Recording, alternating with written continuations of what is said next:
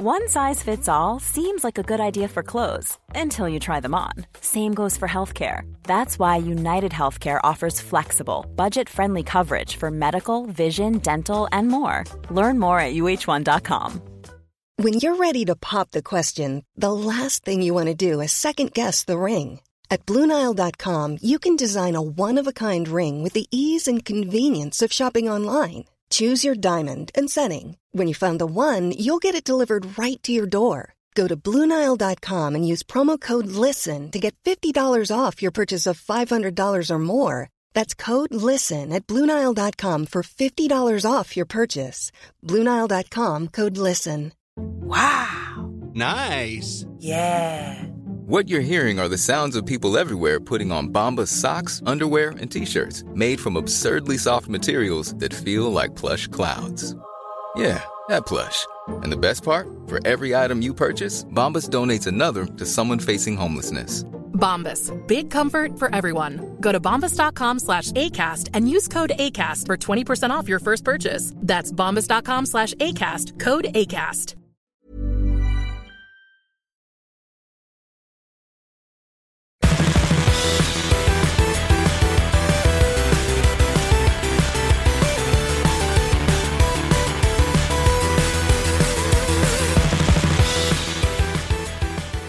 Till alla som lyssnar nu så missar jag. Jag har ju visat upp då här för alla ni som inte är patrons. Eh, så har jag visat upp en 2,2 liters flaska, PET-flaska.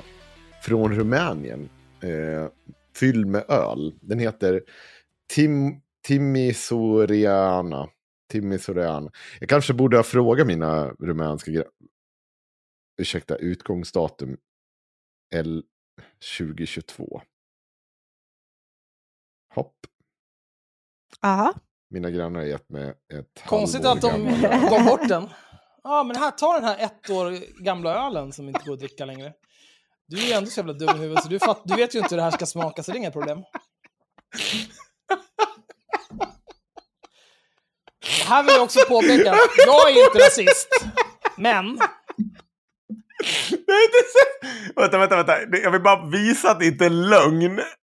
Nej, det är inte lögn. Nu visar jag för kameran. Det är fantastiskt. Den är jättegod också. Det är det som är det värsta. Jag kommer dricka upp den här med glatt Ja, humör. Jag har redan det hände, börjat. det hände Ja. väl ingenting med öl när den står länge? Eller? Den blev typ avslagen bara. Nej, den är inte avslagen. Den är god. Alltså den är genuint god. Jag varit förvånad eftersom det är en stor jävla petflaska. Och den var bara, det här är en trevlig öl. Jag kan säga så här, om, för, för att göra någon typ av referensvärden. Den är åt Falcon Bayersk håll, alltså så här bayersk öl. Det, det man kallar det. Fast bättre. Mm. Det här Som- säger mig ingenting. Det är svårt att vara sämre. Men också, Ja. vad händer? Va? Vad är det här för ölrecension-podd? Ja, men jo, men vadå, har vi inte haft konstiga recensioner i den här jävla podden? Jo, jag, jo, jag, jag har vill vi. minnas att jag har diskuterat.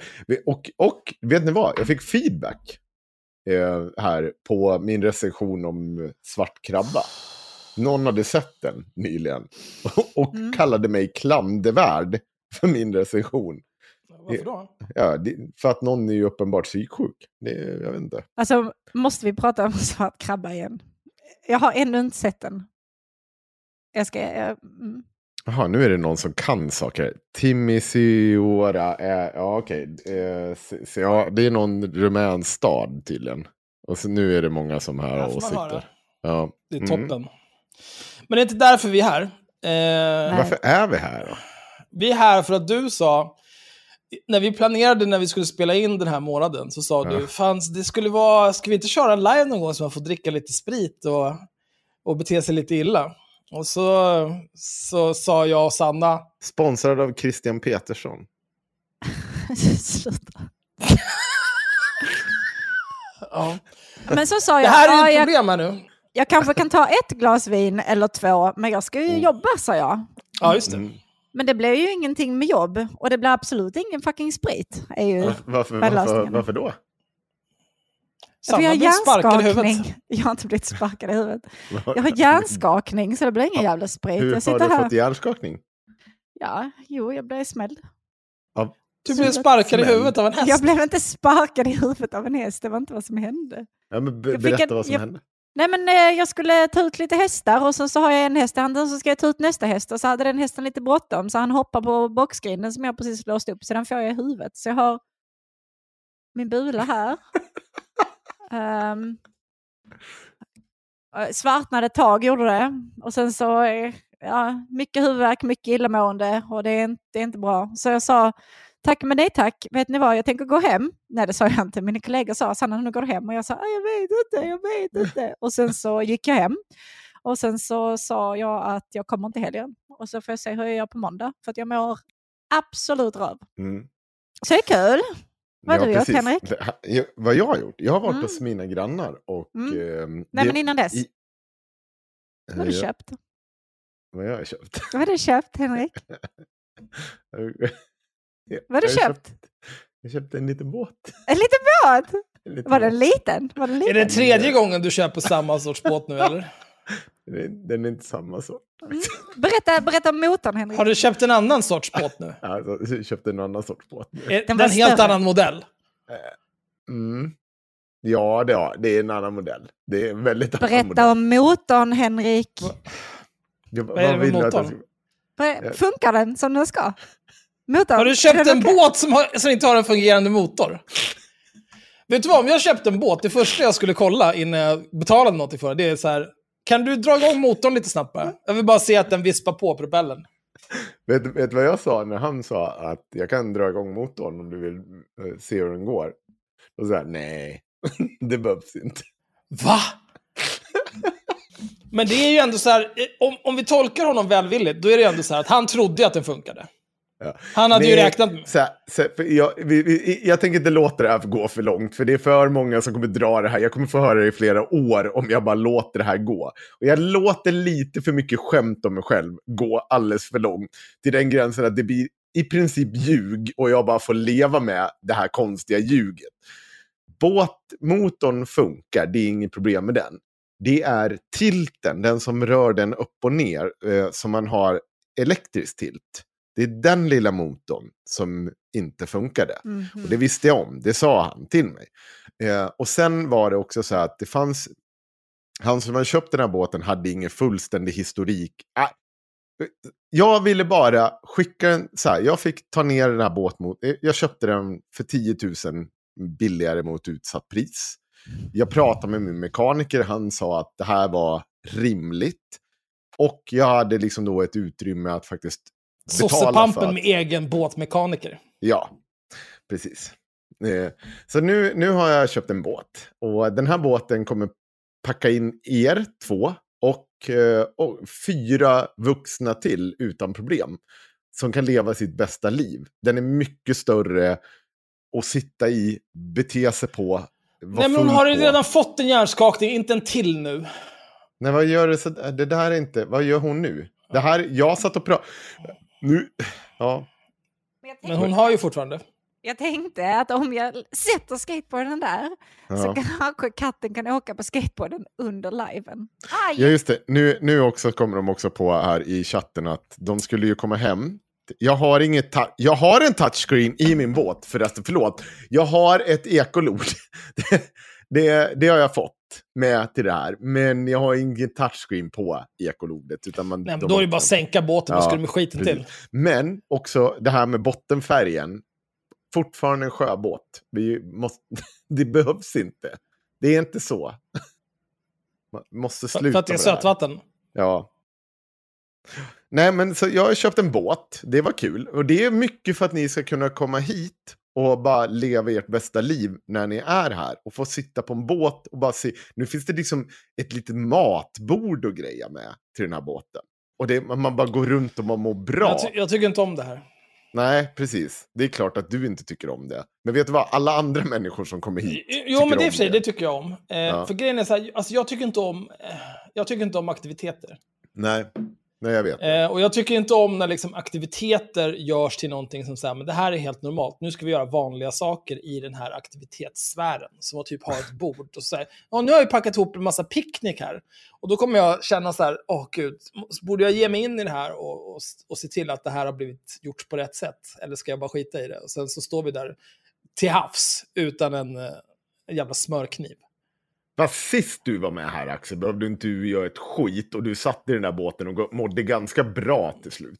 Nej, nej, nej. Jo, så minns inte jag gjorde det. du. Så minns Jag jag har aldrig fått åka väl- båt hos dig. Nej. Nej, men det här, den här diskussionen har vi rätt, rätt ut. Jag tänker Ja. inte göra det. det var, du gjorde någonting annat sist. Ja, men jag väljer ju din fru alla dagar i Ja, veckan. Det är precis. liksom inte... Ja. Ja.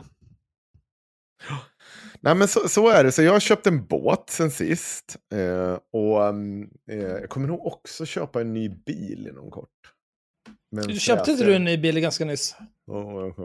En Varför ska du köpa en ny bil? Vad, vad är det? Touchscreenen är sådär lång. Det- jag tycker att det är... Så lång är inte min touchscreen. Är bara lite... Nej, nej. Och de, de kostar lika mycket också. Fast den här bilen är också eh, laddhybrid. Så att jag... Kostar lika mycket. Du menar att du kommer betala lika mycket för den nya bilen som du betalade för din gamla bil. Men du kommer inte få lika mycket för din gamla bil som du kommer betala för den nya bilen. Nej, Nej det, är, det, är, det är en sak som händer. Ja. Det är ett problem. Att det är en värdeminskning där. Det är en ja. värdeminskning. Ja. Mm. 10% när du öppnar dörren. Fast den var ju inte... Men det är inte, det är inte så. För, du har inte köpt, jag bryr mig inte. Vad är det för bil du ska köpa då? Eh, Jag har faktiskt en Kia laddhybrid. Den kostar lika mycket som min... Som jag kör, alltså 400 000 för att jag får i princip en ny. Ja, men vad ska du köpa en ny för? Du kan väl hitta en begagnad? Ja, men, mm, den kommer vara begagnad, men, men nya laddhybrider och, de, och begagnade kostar typ lika mycket som nya. För de Men är, det är Kia, är inte det, är, är inte det så småbilar bara? Nej, de har lite andra grejer. Det är billighetsmärke. Jaha. Men 400 lax för en begagnad bil, det låter inte så jävla billigt. Nej, det är det inte. Men eh, när eh, kostnaden för att köra den där framåt inte bara halveras utan kanske mer än halveras, då, då blir det en annan femma. Mm. Då, Och du har ju kan jag- solceller nu också som du kan stoppa rätt in i bilen. Så är det. Solceller har jag också. Jag har satsat på förnybart. Så nu är det bara Men det är ju det som är, det är, det som är grejen med, eh, med pengar. Ja, Alltså, it takes money to make money. så är det. Så är det. Alla som har råd att investera i att göra sina liv bättre, enklare och mer resurssnåla blir triljardärer till slut. Med det där har jag pratat om ehm, när bara att gå och handla i butik. ehm, att du måste ha pengar hela månaden för att kunna handla billigt hela månaden och fylla upp ett skafferi hela månaden som gör att du kan leva billigt hela månaden. Men det kräver att du kommer över en viss välfärd för att du ska kunna leva så. Annars blir du tvungen att förlita dig på liksom bara det som just nu är billigt och liksom det allra billigaste. Och det där är ett jävla, det är ett jävla skit. Men jag är väl införstådd i det. Jag själv äter jag boxfilé. Mm. Men, men ja, jag ska se vad folk säger i chatten också. Ehm, Ja, för er Ja, eh, Frida, arma... Frida direkt Oj. påpekar att hon har köpt en ny jävla BMW. Jag såg den på Instagram, Frida. Den var otroligt oful. Mm. Otroligt ska inte komma här och... Så jävla stört att sitta och ståka folk på Instagram för att sitta och fickrunka till deras bilar. Hur fan mår ni alltså? Det är någonting med bilägare som är så jävla sinnessjukt. Ja. Men det jag skulle vara. säga, det var eh, till eh, er kära lyssnare och inte kära tittare. Ni stackars pöbeln som lyssnar på det här i efterhand. Nu spelar vi in avsnitt 181, lördagen den 22 april. Och det streamar vi till våra patrons. Om du inte är patron så är du en horunge och du kan dra åt helvete. Jag hoppas alla du känner och alla du någonsin tittat på dör en plågsam död. Och kvar står du ensam och skäms över att du var så här dum, snål, ful och äcklig. Eh, därför kommer det nu vara en hel del, titta på den här grejen, eftersom vi streamar och kan visa olika saker. Sanna har till exempel visat att hon har ställt fram en skateboard bakom sig som hon hoppas att hennes skatt, katt ska ställa sig på och bete sig. Det kommer nog inte ske, men det kommer fortsätta så. Ehm, Han var nära. Som sagt, om du inte är Patreon, ta Och- ditt liv. Om, om det händer så kommer ni också att missa det. För då kommer vi andra bara sitta här och skrika att hennes katt har lärt sig att åka skateboard. Den kommer inte göra det, den kommer som bäst gå fram och lukta på den igen. Men jag har, vänta. Sannas eh, dress hon har på sig också. Ja, Det är någon typ av One Piece. Ja. Men, eh, Kolla, vänta, hör ni mig? Kolla, Ja. Han kanske vill ha denna istället. Om ni inte du hör har ju en här cykel skri- där bak också som du kan ställa fram som nästa grej. Sanna skriker att hon har en kickbike som katten Ja, men det kan han nog Ja. inte ha. Ja, ja. Så ska vi se vad han väljer. Men eh, ja, nej, jag har en, eh, jag har en liten eh, sån här... Ja, ni, ni, miss, ni missade för i den här One också. För jag mår inte bra. Så nu är detta vad jag har på mig idag. Har Den ni syns sett Konrad eller? Här kan du få se honom. Jag ser det. Hur jag ser ser, ni inte jag detta? Ser Kolla. Den, jag ser den. Här går det Jag- runt hela. det- Jag pekar på den med min mus. Det gör så jävla ont.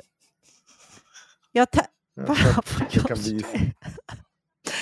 Det? jag, har tappat, jag har tappat känseln i hela högersidan av huvudet. Det känns som ni vet när foten somnar så låter känns det hela jävla- högersidan av huvudet. Det är inte som en... Ja. Jag kliar hela tiden. Mm. Nej, läkaren säger Ja. att jag är okej. Jag behöver Du får absolut inte gå och lägga dig, Sanna. Så jag blir kall. Jag la faktiskt ehm, godis på skateboarden, men det var därför han stod där innan. Men nu tröttnar han på det. Han åt upp det så gick han.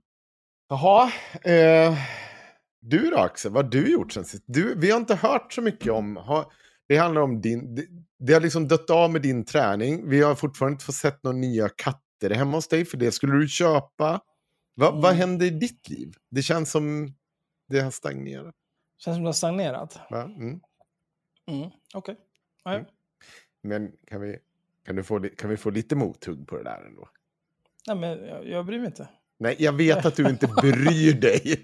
Jag vet att jag kan sitta och säga dig, du är en tjockis, du är en fulis, Ja, du är du homofil, du är så här, och, och det, det bryr Kan gå ner och suga 30 Men det- kukar nu. Ja, direkt. precis. Men det vore bra om det fanns någon typ av mothugg. Har det hänt någonting i ditt liv sen senast? För det kan ju också bevisa att, ja, det är sad. Eh, nej, alltså alla saker som har hänt mig. Jag, är- jag vet inte, jag är så... Eh, jag är mer spite-driven nu än jag någonsin har varit tidigare i hela mitt liv. Så att allting som sker kan jag bara koppla till olika oförrätter som har begåtts mig. Och Mhm. hur jag ska göra för att förinta de människorna som har begått mig de här oförrätterna. Mhm. Så det som har skett, eh, jag skulle vilja hälsa till, eh, det var en kille som för drygt ett och ett halvt år sedan så skrev han på Flashback, eh, lycka till med jobbet Axel. Och det var för att jag just då hade slutat jobba och de missförstod liksom det här med eh, jag, en anställningsbar person, slutar på ett jobb. Då tänker de det så här, det här är ungefär samma sak som när jag, Sveriges enda arbetslösa programmerare, Ja. slutar på ett jobb för att jag inte kan jobba. För att jag bara kan sitta hemma och vara sämst. Mm. Då tänkte han, det är ungefär samma sak. Lycka till med jobbet. Axel. I got a job, Ricky. I got a job. Sätt dig ner, din jävla horunge. Åh! Där liksom, i ett och ett halvt år så har jag suttit och bara... Hur kan du säga så här om mig? Tror du inte att jag kan gå ner på byn här och skaka ett träd och så ramlar det ner 40 jobb? Rätt in i min mun bara... Om jag går in på LinkedIn, vad tror du min inkorg är full av? Den är full av rekryterare som vill slicka min brumma. Och så Mm. säger de, hej Axel, är du redo för en ny roll? Och sen Mm. ett halvår senare så svarar jag, nej tack. Men det, ja, jag vet inte. Och sen är det lite andra oförrätter som jag på olika sätt och vis tar itu med. Men det, jag kan tyvärr inte prata om det, för att jag har tömt mig själv om det till Sanna de senaste två dagarna. Så att jag Mm. orkar inte prata mer om det. Plus att det är vissa av de här människorna som har begått med oförrätter som ska få det som en liten surpris sen. Mm. Är, det, är det jag det? Bara så att... Vi pratar inte om det. Nej, okej. Du skulle spela ett om E3. Nej. Ja, du skulle varit med här. Du skulle sumpat allt i hela ditt liv de senaste dagarna och bara spelat D3. Mm. Ja, men det gjorde du Men inte. det- Så att, Day and du night. se. Du, du, du, du, du, du, du, du, du. Men hörni, jag har en grej som jag... eh, Jag vet inte om, om vi är klara med allt det här. Nu har jag ändå gått 23 minuter, nu orkar jag inte mer. Nej, okej. Men äh, ja, såg du att det var någon i chatten som hade skrivit att, det var, att dataspel var bara för barn? Typ som Kinderägg och någonting. Men, ja, men liksom, hur kan man säga någonting så efterblivet? Men, men också, jag känner mig så himla träffad för att jag har köpt Kinderchoklad som jag tänkte äta och har spelat datorspel hela dagen och har barnpyjamas på mig. Och jag bara känner, Alltså jag tror att det är typ tio år sedan som dataspel worldwide Yikes. om, omsatte mer pengar än filmindustrin worldwide. Um, och då har ju ändå Bollywood gått om Hollywood för länge sedan. Kina är de helt sinnessjuka på att göra filmer. Jackie Chan gör väl fortfarande 30 filmer i veckan. Som liksom en miljard kineser går och ser tre gånger för att annars blir de skjutna i huvudet. Uh, och sen så är det liksom så här, ah, jag gjorde ett dataspel. Det sålde i 20 miljoner exemplar på Steam. I don't know man. Men alla borde spela Diablo 3 och ladda inför Diablo 4. Eh, så att man kan så här, yes, nu får jag äntligen spela ett spel som är gjort av våldtäktsmän, terrorister och liksom allmänna sexpests. Och så kan jag spela det i en vecka. Det är helt jävla broken. All, ingenting är klart. Inga talents funkar. Allt är skit. Alla vapen är skräp. Alla klasser är trasiga. Så spelar man en till två veckor och bara, ah, this is garbage. Och sen refundar man det. Och sen så köper man det igen om ett år. Och då har de fixat det mesta. Mm. Perfekt. Men då tänker jag öppna upp det på det här sättet, Axel, eftersom du börjar prata om svensk filmindustri och det gjorde du inte. Du pratar om kinesisk och indisk. pra- Är det svart krabba nu igen? För då blir jag galen. alltså nej, då, då stänger vi ner. Nej, nej, nej, nej, absolut inte. Jag tänker att dels har ju Sanna och jag kollat på SVT och, och folk som ska gifta sig vid första ögonkastet. Har du gjort det, Sanna? Mm-mm. Mm, mm. Vänta nu, var det där? har du sett sett. båda avsnitten? Ja. Ja, bra. Nästa kommer på måndag. Det är viktigt för mig. Men, men så har jag också sa- sett eh, Magdalena och... Eh, eh, vad heter hon? Eh, vad fan heter de? Eh, Det här romska... Har ni på SVT Play, så vad heter hon, tuttmodellen? Ma- Oj! Ma- Ma- det var väl ändå 30 år sedan hon var tuttmodellen. Ja, Magdalena Graf. Magdalena Graf och Louis... Louis eh, Martin. Louis Martin, Louis Martin har- någonting. Ja, de, de har Vet ju... du vad? Jag har aldrig haft en så rasistisk reaktion som när jag såg det där. Har du sett det? Nej, alltså jag såg den bilden på honom och sen Ja. texten så här. Nu ska vi prata om romer, bla bla bla. Då kände jag omedelbart att så här. I think the fuck not alltså. Nej, jag tyckte inte om det. Jag tyckte inte att det var något bra. Jag gillade det inte. Så här, jag, och, och så här Magdalena Graf, som så här, jag, jag fick alla mina fördomar besannade. Men så var det ändå tvärtom. Bara okej. Så de stal allt du ägde, men sen så fick de lära sig att du kände någon av dem och då fick du tillbaka det. Vad fan hände? Det låter helt sinnessjukt. Och sen... Jag, jag, och sen läste jag, jag läste också så här, han är ju så här talare och grejer. Och jag läste på hans talarsida och blev så jävla förbannad ska jag säga dig. Vet du vad? Det ska vi läsa. Vi ska börja med det. Talare, fy fan! Aldrig Vi varit behöver något prata lite. SVT-produktion. Nej, skit i det nu. Vad Ja fan men, är det, ja, men det är inte bara det. Men, men vi börjar där. Vi kan börja, om du går igång så mycket. Fy fan alltså, vilket... Nej, jag ska inte säga... Ja, det, Nej, nej, jag tar inte det där alltså. Jag tar det inte.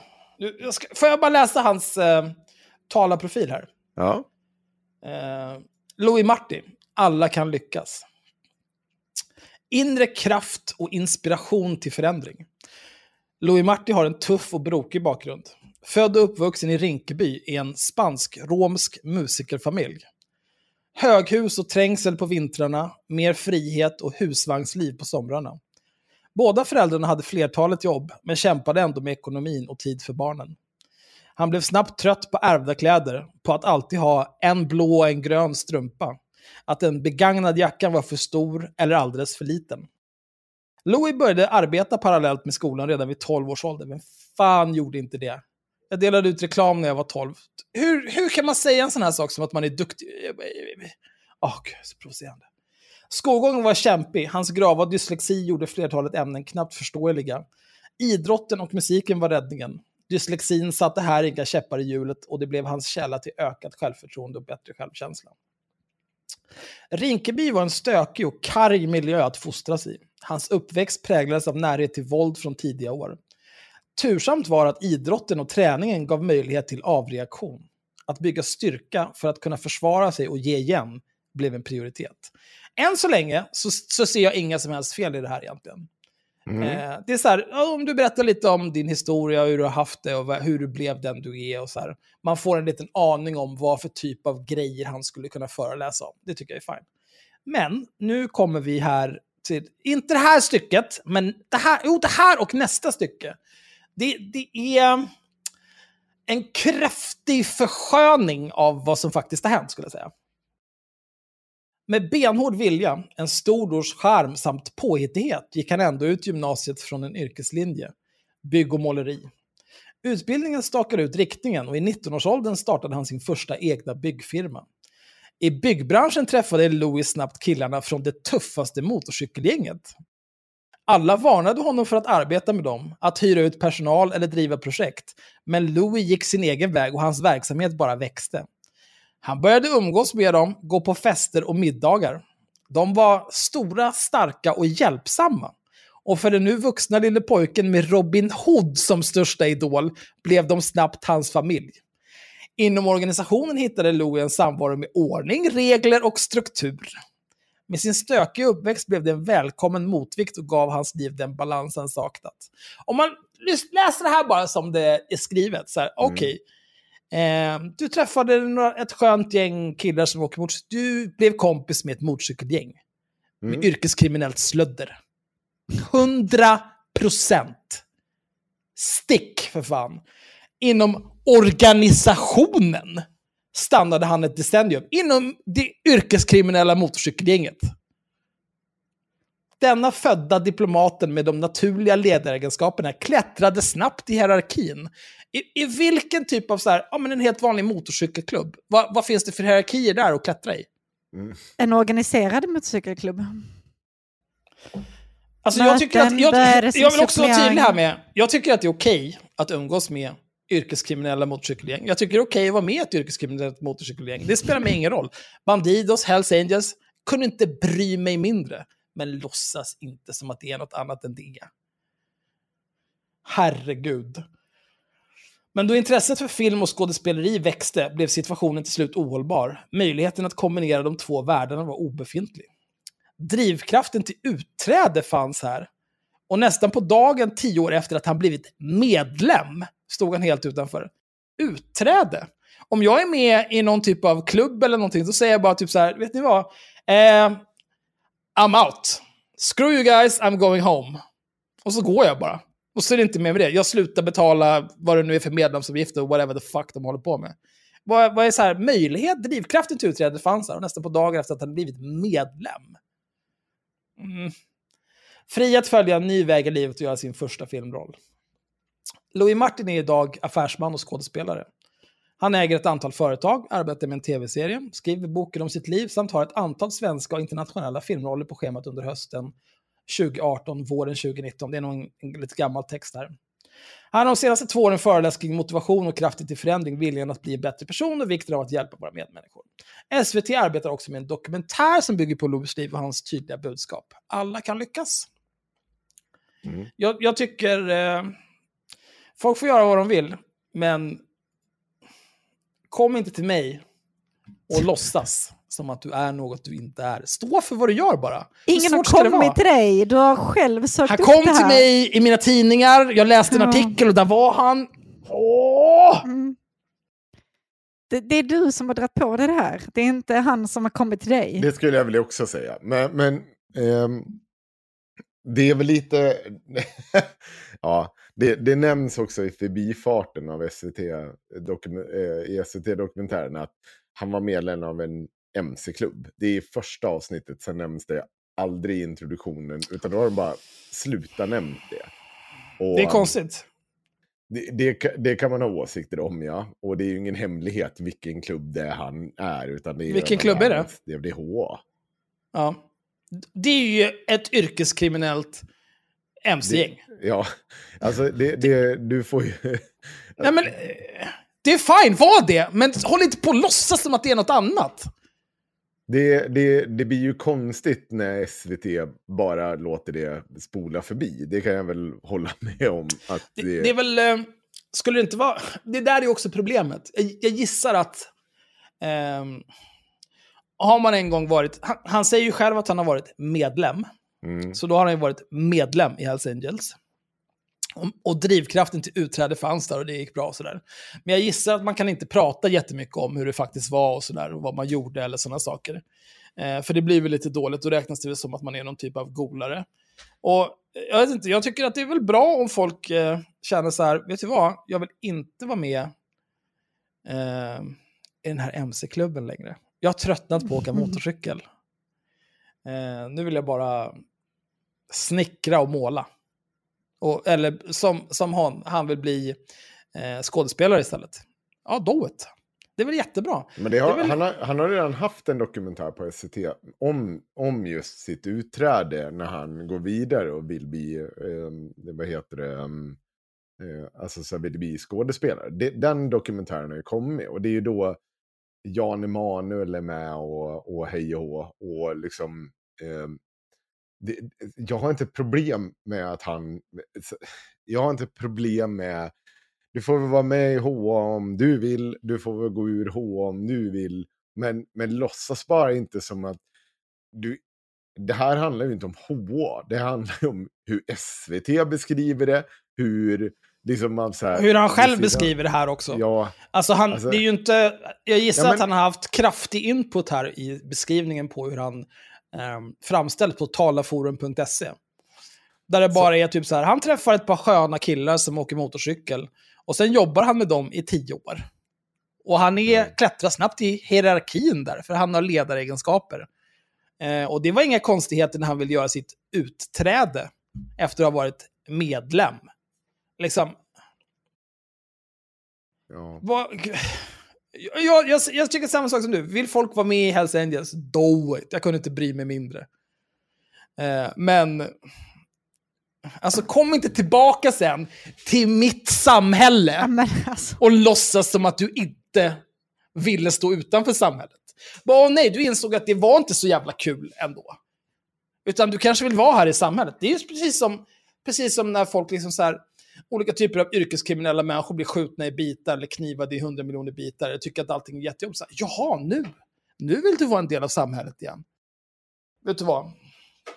Jag är helt för en väg tillbaka, men någonstans måste vi dra gränsen. Och jag tror att vi får nog dra den vid Louis Marti. Det blir inga skådespelarroller. det låter Nej. inte, det låter jag- som att du är helt för en väg tillbaka. då, det, då, det där får du ta på dig själv Axel. Det Nej, men det, du- när jag och Jackie Chan gör vår nästa film, då får Louis Marti inte vara med. Det kan du på en hanterar också detta som att han personligen har sökt upp dig och bett om inträde Ja, i ditt samhälle, vilket a- absolut inte Det har har hänt. inte hänt, nej.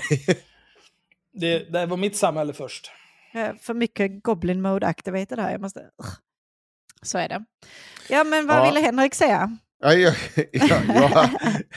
ja vad bra. Bra liten bombatt där rullar Sitter du och skriver till mig i chatten nu? Du fegis.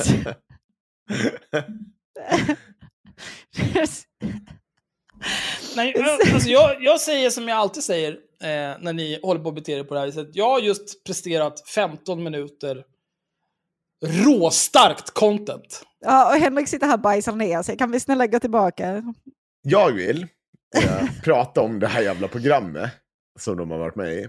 Om romer. Som ska då inte ska öppna upp samhället för den romska kulturen. Men de vill ju inte. På, va? De vill ju inte. va? Vilka? Romerna. Varför vill de inte det? Vad menar du med det? jag tror inte att de vill. Hur menar du då? Jag, jag tror inte att de vill det. Det, De det finns, det finns romerna. romerna. Romerna som grupp tror jag inte vill det. De vill inte Ja. öppna upp någonting.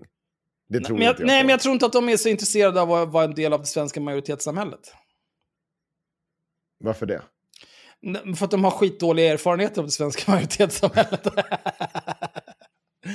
Men det är ju som så här, alla grupper som har haft det lite motigt. Eh, och sen helt plötsligt, nej men nu är allting fine, så här, alla, får, alla får göra vad de vill. Ja, ah, jo, men senast vi försökte det, då fick vi skitmycket stryk. Eh, ja, men liksom uppe i norr, de som pratar Tornedals...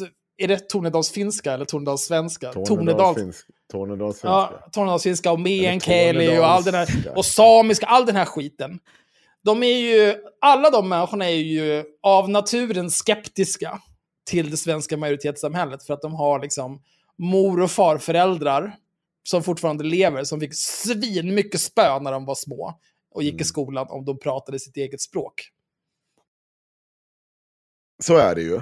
Men samtidigt är det ju också så att eh, jag, jag, jag tror att det där är dubbelt. Att du liksom lever upp, alltså du lever i en svensk kultur, men också lever i en romsk kultur, samisk kultur, eh, muslimsk kultur. Allt det här. Att du finns i båda. Och att det betyder att så här, vad du vill betyder så mycket mer. Och vad du vill göra med det betyder så mycket mer. Eh, och det är det som blir så konstigt i den här serien. För det blir väldigt mycket så här att Magdalena Graf ska ställa sig in i en så här finsk romsk klänning och säga så Gud vad vacker jag är! Gud vad jag är! Nu är jag så snygg! Så bara, ja men tänker du gå runt i den där då? Tänker du liksom ta på dig allting som det betyder och tänker du liksom for, för, för det krävs, som så vitt jag vet så ska du gå runt i den där Det är ju Liksom- vardagsklädsel. vardagsklädseln. Men, men det är också, ska du sluta vara platina-blonderade, rikskända Magdalena Graf också?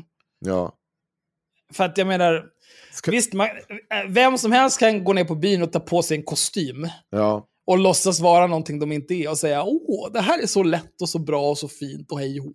Och jag Men kommer at med the end of the day så kommer. Magdalena Graf fortfarande Ja. åka hem till, hon bor väl på Östermalm och är miljonär liksom. Det är klart att hon går runt, kan gå runt och lajva Rom ett par timmar. Liksom. Ja, men det är det som hela den här serien, den blir liksom så här, det, det, det är kul, det,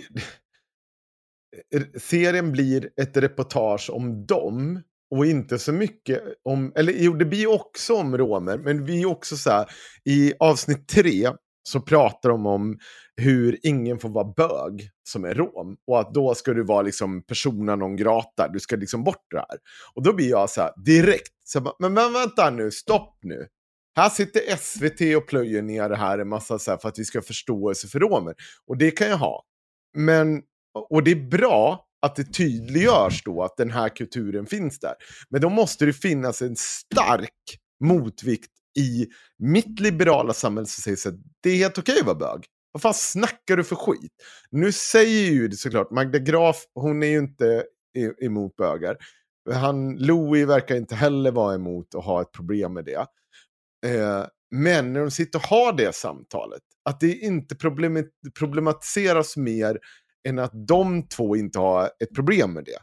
Det är liksom så här, men gå in och problematisera det om det finns en utbredd kultur inom det romska. Men så att- hur du skulle du får vilja att det gjordes? Någonstans att det ska gå... Att du ska våga vara i strid med det på ett annat sätt. Du får jättegärna beskriva det. Men då måste du också beskriva varför det är helt okej att vara bög. Det är inte konstigare än så. Jag tycker inte att statstelevision ska vara så simple-minded. För att vi kan ha, om, om, du, om du vill ha en dokumentär om homofober och incest, gör det. Eller nazister, gör det. Det är en dokumentär om det här. Här pratar man om en, en kultur där man gör anspråk på att göra en dokumentär om en hel kultur. Och i den kulturen så finns homofobi, menar de. Och så blir det inte så mycket mer än att de två som ska utforska den här kulturen säger att ja, det är ju inte, det är helt okej att vara bög. Men då måste ju någonting också så här, riktas mot den här kulturen. För att eh, i det västerland jag lever i så är det okej att vara bög enligt min åsikt. Det ska liksom vara enligt Men- våra lagar, enligt våra regler, enligt våra normer. Ska det vara det? Men, men det är ju också så här att vissa kulturer är ju sämre. Ja, såklart. Men, Så men vi måste ju säga, även alltså, som, det är ju det som är den liberala, alltså någonting som inte får urholkas i den liberala tanken. Att vi måste våga gå i strid även med den typen av kultur när man uttrycker det här. Om muslimer kommer hit och säger att bögar ska inte få existera så ska den svenska kulturen attackera det, liksom gör allting för att trycka ner det. Och det innebär ju detsamma mot den värmländska kulturen med raggarkulturen, om det finns mycket homofobi där i. Ska vi attackera det också? Vi, vi som land ska kunna hantera det här. Och det gör de inte i den här dokumentären. Det blir väldigt flat. Det blir bara, ah, men det är lite macho, det är lite så här. Och, och det, det är intressant att ha den typen av öppenhet. Men du måste nog också kunna, som producent i det här, kunna säga att men vänta, vi måste nog hitta ett sätt att diskutera det här på. Men då hade väl bara- kunnat, eh, de hade väl kunnat ta med en romsk bög och låtit de där två prata med honom i 5-10 minuter om så här, ja, men hur Till var det för dig exempel. när du insåg att du var homosexuell? Vad betyder det för din relation till dina romska vänner och din romska familj? Och så här, hur var det fått för konsekvenser för dig? Bla, bla, bla, bla, bla, bla. Det är ju enkelt. Ja. Så kan det vara. Men jag, jag tycker att det saknades i det här. Det kanske inte finns några romska bögar.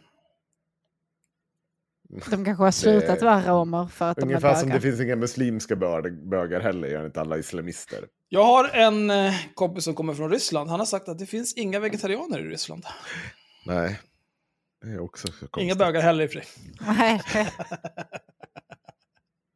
Nej, men det det där har jag varit med om, alltså så här, även när jag jobbar fackligt. Jag har ju varit, jag tror att jag har tagit upp det i den här podden förut, att jag har varit i situationer där eh, liksom heders, eh, någon typ av så här, mm, eh, eh, ja men så här intern domstol har avgjort grejer i saker som sen har kommit påverkat eh, när vi har haft fackliga frågor.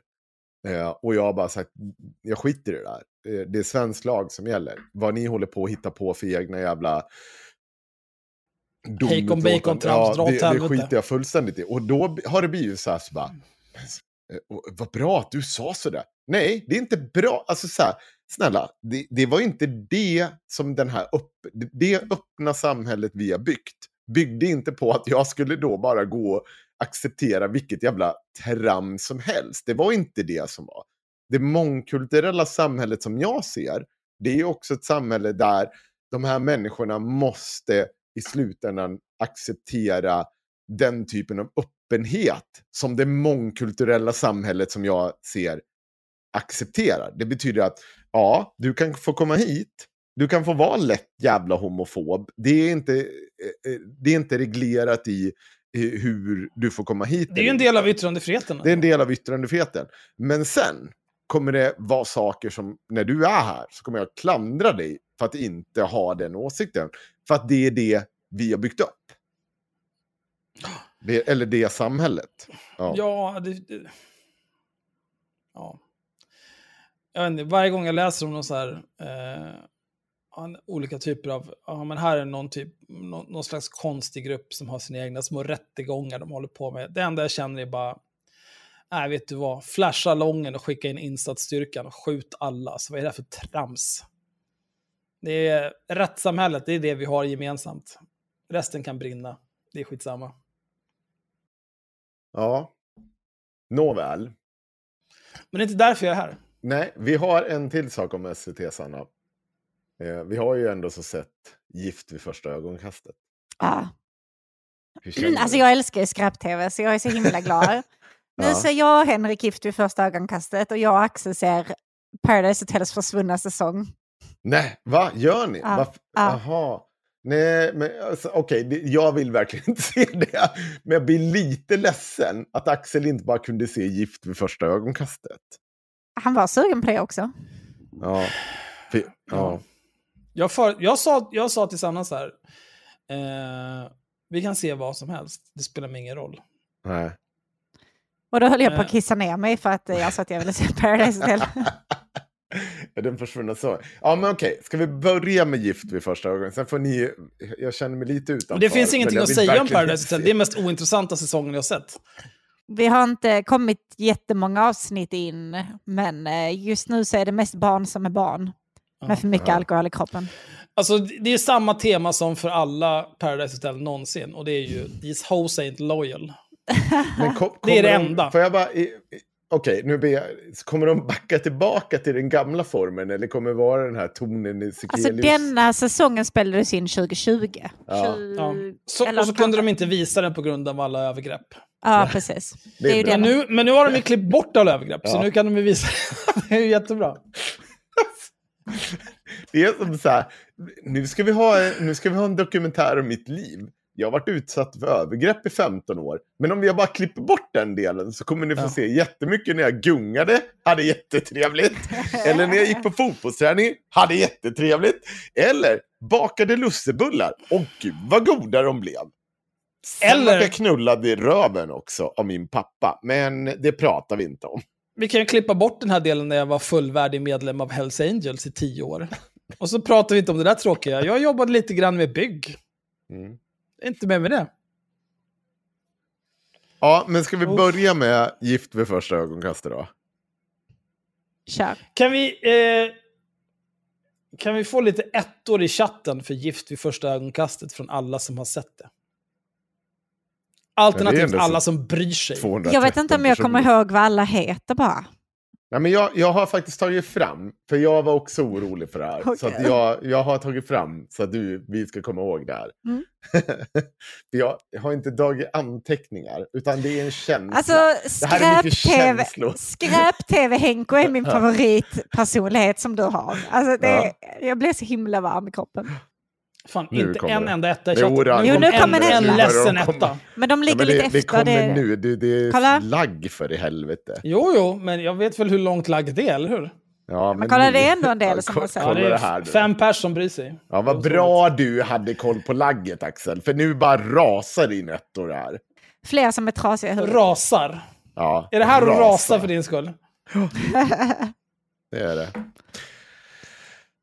Gud. Men jag tror, det är, jag tror att det är Nio fler... av 200. Det är en halv procent. Det är, är, det att fler, rasa? det är ändå fler som har sett Gift vid första ögonkastet än som har sett eh, den försvunna säsongen av PH. Ja, nu är det mycket folk som har åsikter om annat, men okej, noll. eh, deltagarna är alltså Arvid, 34 år, militärofficer. Nej, nej. Åh, Gud. Uppväxt i Knutsby, inom parentes. Har de det? Har de varit, han är upp, vart de andra är uppväxta? Eh, Inom parentes kolla. på de andra. Eh, Det är konstigt annars. ja, nej, nej, men det har de. Ja, men det är bra i alla fall. August, Eh. 32 år, projektledare och konstnär, Uddebo, uppväxt i Järna. Oj, Och Arvid a- 100% är- atro- han, han har antroposof. manband. Han har manband. Han har mässling, det är vad han Ja. har.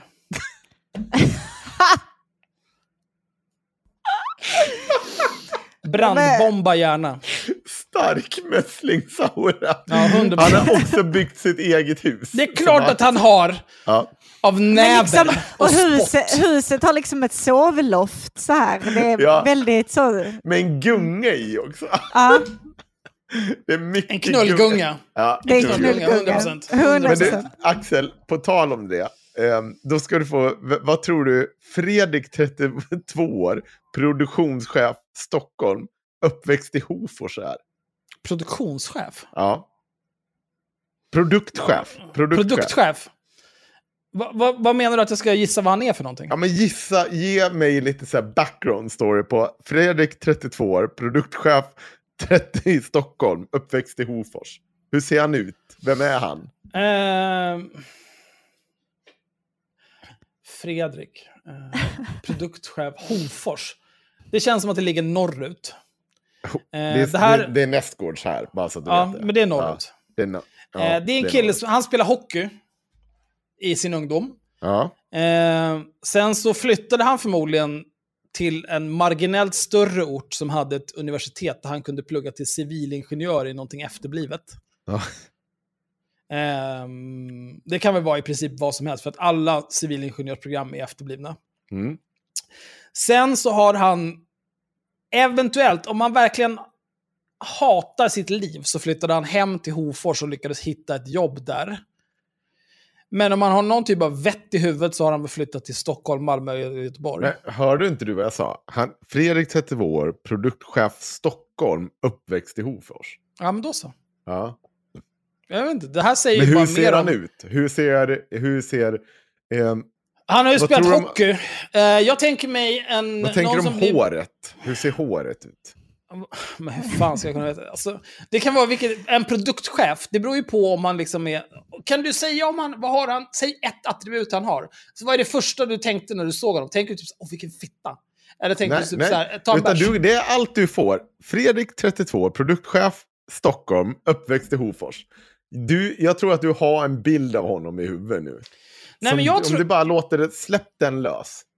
Ehm, han, eftersom han har spelat hockey, han var säkert, nu tänker jag mig att um, ganska klipsk ändå om han klarade av att plugga för att bli produktchef. Så, eh, jag tänker att han har nog någon typ av, han har mörkt hår skulle jag gissa. Jag gissar att han är en av få som eh, har den här eh, klassiska Stureplans backslicken. Men han håller förmodligen på att göra det till en mullet. Eftersom hockeyfrillan är på väg tillbaka och han spelade hockey i sin ungdom. Mm. Det är min gissning. Ja, Jag tror- jag skick- tror- jag ska skickar säga- Ju mer jag tänker här nu, titta tänker jag. Fredrik är en ganska skön kille. Jag tycker att han är lite blyg. Eh, han skulle kunna vara bög. Jag tror att han är trevlig. Okej, eh, jag, jag tänker att chatten kan också få länken så att de bara kan hänga med här. Jag, jag skickar den i chatten, Axel får inte läsa den. Då går vi på nästa. Alexander, 40 år, enhetschef akutavdelning Malmö, uppväxt i Ullared. Vad är det för kille? Axel? Alexander enhetschef. Vad enhetschef var? Akuten. Akutavdelning Malmö. Akutavdelning? Så han är läkare eller? Ja, enhetschef på akutavdelningen. Jag tänker gissa att han är läkare då. Ja. Man får väl anta att... Eller? Är, det, är enhetschefen bara någon typ av administratör? Nej, han har nog medicinsk Det gör ju kompetens. skillnad i vem han är som person. Det här Han har nog vara... medicinsk kompetens. Vi säger att han är läkare. Ja. Alexander, han var 40. Eller? Ja, Ja. precis. 40... Var det i Malmö? Eller? Hallå? Ja. Alexander, 40, enhetschef på akuten i Malmö från Ullared. Mm. Eh, Alexander känns som att han, eh, han har... Eh, han gillar nog att klättra på fritiden. Mm. Han, Eh, han ser lite grann ut som en klättrare. Ja, nej, men det känns som en kille som klättrar, som har så här, lite speciella intressen. För det känns som att ehm, läkare är ju speciella. Ehm, folk som jobbar på akuten är speciella. Eh, och det känns också som att folk som, blir administ- som har administrativa uppgifter inom sjukvården är också väldigt speciella. Mm. Och då tänker jag mig att det resulterar i att man blir klättrare. Jag kan också tänka mig att han har andra Klättrare. lite speciella särintressen. Ja. Eh, han skulle kunna vara en sån som typ eh, målar akvarell eller eh, Det har vi- det samlar har vi- på någonting konstigt. Ja, men det har vi inte riktigt fått veta än. Så att, bra, bra gissat. Så hoppar vi vidare till Lina, 37 år. Sjukvårdsbiträde, Göteborg. mm, hon du har två barn från en tidigare relation. Åh gud. Mm, Va? mm. Det är inte vanligt i det här programmet kan jag bara berätta för er. Nej, men det, det är det hon har. Det är inte Mm. mitt fel. Vad ska jag göra? Nej. Nej, men det här, som- Du måste tänka att det här är folk som är som du, kroniskt singel. Och behöver SVTs hjälp. Vad fan är det här? Hur är det här jag? Ja, alltså, jag hade gjort vad som helst för att se dig i Gift vid första ögonkastet. Alltså, Ja. vi, alltså, vilken tv det här blivit. Alltså, de, de Men det hade, alltså, så här, folk har på så här, sen de här jävla olika typer av datingprogram började, så har folk sagt så här, åh Axel, det skulle vara så roligt om du var med i det här. Varför skulle det vara roligt? Det första som skulle, kunna hända, det första som skulle hända, det är så här, eh, prata med någon i 30 sekunder och så säga, vet ni vad, det var kul. Jag drar, det här är, jag kan inte Och do it, jag kan du inte do it. Problemet jag, jag är det att det hade varit toppen. Och vi, grejen är att det har hänt i Gift vid första ögonkastet. Och man blir fortfarande tvungen att följa det här jävla paret. Varför då? Tving, jo, för att de kommer så här, ska ni inte försöka ändå? och Varför det då? kommer liksom så här prata och du kommer vara, det kommer vara toppen. Vi kommer må så bra allihopa. Alla vi utomstående. Men, det, det, det- här det skulle- är, det här är proffs som kommer säga till dig, detta är vem du är som person och du behöver den här Ja. personen. Det här är, de lägger You liksom, don't know me. det här är inte, De vet Jo, bättre det här, än vad du vet. Det här är inte Paradise Hotel. De här lägger lite energi på den här skiten. Men det är ju kommer faktiskt... Eh, Korrespondent-Sanna känner ju en av de... Eh, Ja, Eh, precis. vet vem- vad han nu Kalle, heter. Kalle. Kalle. Kalle. Världens Så- charmigaste kille. Men okej, Axel. Men vi kan se om hon, kanske kan fixa in mig till nästa säsong då. Stina, Men 31, då vill jag ha pengar. sjuksköterska Uppsala. Uppväxt i Varför jobbar alla inom vården? Ja, men det, vi kommer vidare med, från det. Ja, okej. Men Alexander i alla fall.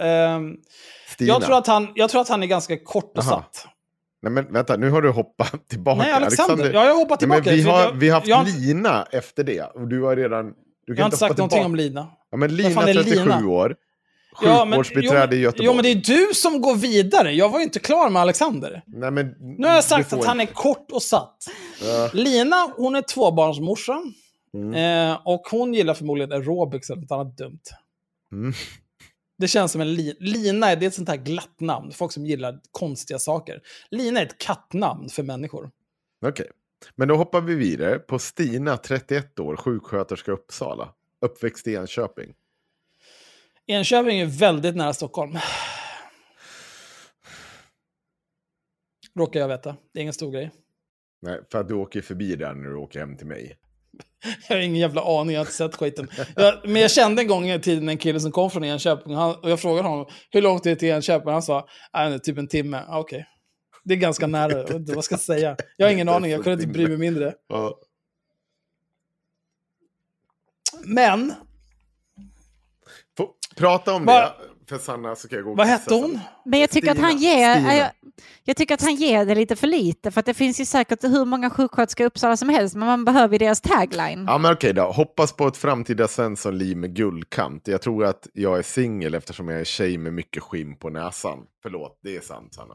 Jag borde ha läst hela Ja. Axel, har du fått hört det där? Hon, är 31 sjuksköterska, hon bor i Uppsala men kommer från Enköping från början. Och hon tror att hon är singel för att hon är en tjej med mycket skinn på näsan. Ja. Hon är helt omöjlig att ha att göra med. Hon är den vidrigaste människan du har träffat. jag, jag tänkte precis säga eh, nej, jag tänker, inte, jag tänker inte säga det. Nej, men så här, alltså någon, ö- överlag, så här, det finns ju vissa... Eh, vissa saker säger man bara inte. Om någon säger till mig, jag har mycket skinn på näsan, då tänker jag omedelbart så här, "Åh, Fitta. Alltså, hela du är liksom gjord av kukhud. Du är den känsligaste människan på jorden. Och du bara Gör du? låtsas... Ja, Jaha, nej, låtsas. fan, alltså. Okej. Mm. Ja, men du låtsas som att så här, "Ja, du kan hela det. Men vet du vad, jag kan få dig att grina på tio sekunder. Kom inte här. Jag vill inte höra. Alltså. Jag blir bara arg. Ja, nej, men eh, jag vet inte. Jag mycket skinn på näsan. Hon... ehm, folk som säger att de har mycket skinn på näsan brukar oftast också vara ehm, folk som har en eh, under arbetar eller lägre medelklass bakgrund. För det är ett typiskt sånt begrepp som bara används i de kretsarna. Typ Överklassen, är- säger, överklassen säger inte att de har skinn på näsan. De säger att de är världsvana. Mhm. Mm, det är Eh, bra. Men hon är väl gissningsvis, det är också... Eh, det säger ju också en del att hon är sjuksköterska och inte undersköterska. Eftersom, sorry to say it, men sjuksköterska är en riktig utbildning. Eh, Mm. det är en Alltså- längre utbildning. Vi knullar alla yrkeskårer höger och vänster här. Vi Ja. har inte många vänner kvar. Nej, Eh, det, det är skönt. Tack, Alla Axel. jobbar ju inom vården. Nu kommer vården sig? döda oss och alla undersköterskor döda oss. Det är, Du, jag vet Moa- inte vilka jag är mest rädd för i den här ah, situationen. Nu, Ja, jag ser Sanna. nej, han är Låt bara ute det där vara.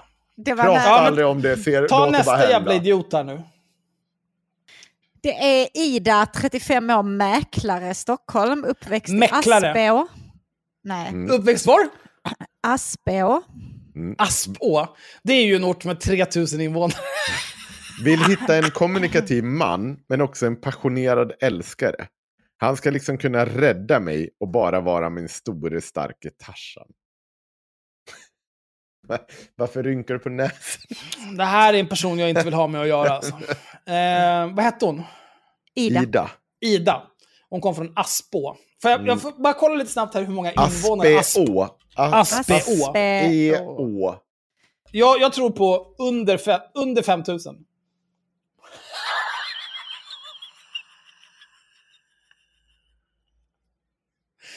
Aspeå, eh, före detta småort, del av tätorten Lögdeå.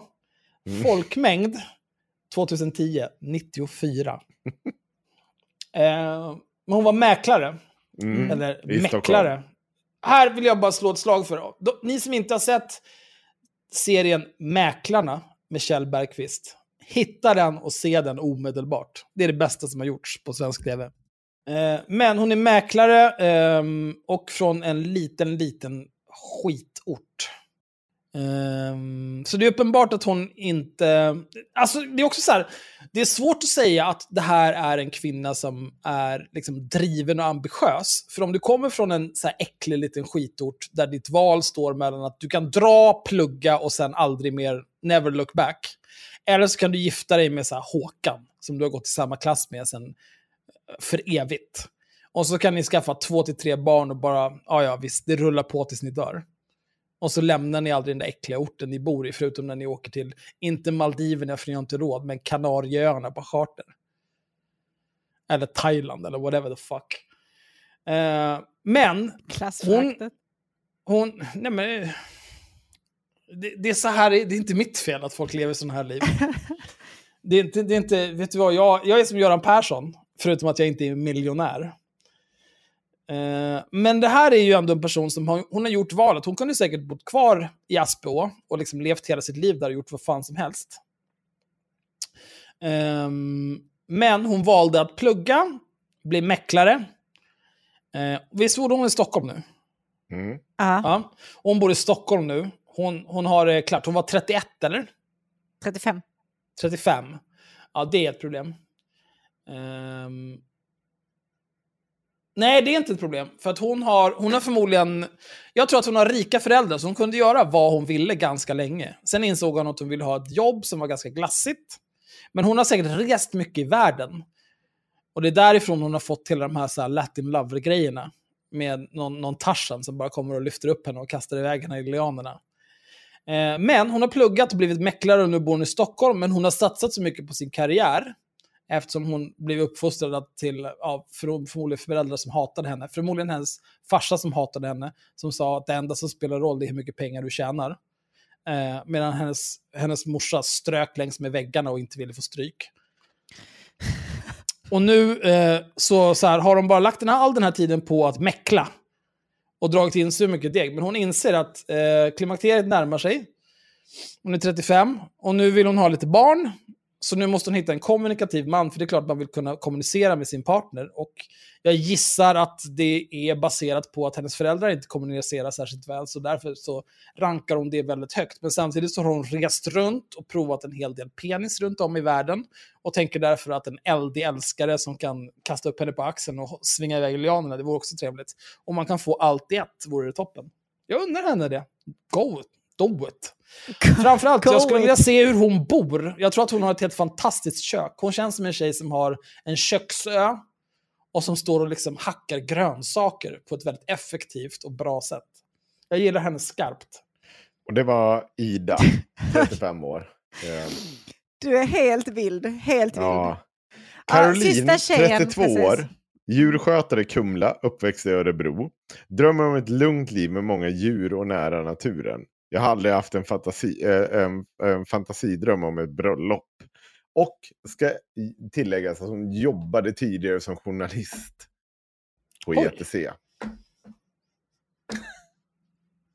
Ja, då släpper de in vem som helst. Ditt ansikte blev så här litet. Ja. Men jag, ja, jag orkar inte prata om det. Eh, Ida, hette hon så? Ja, 32 år. nej, djurskötare i. Kumla. Caroline. Ja. Nej, Caroline, Ka- ja. Precis, Caroline, 32, Ja. djurskötare i Kumla, från... Uppväxt i Örebro. Örebro. Det är Örebro. typ, ja, det, är- spelar ingen roll. Ja, men det är som eh, Gullmars och eh, vad heter det, Vega. Jag vet var Örebro ligger.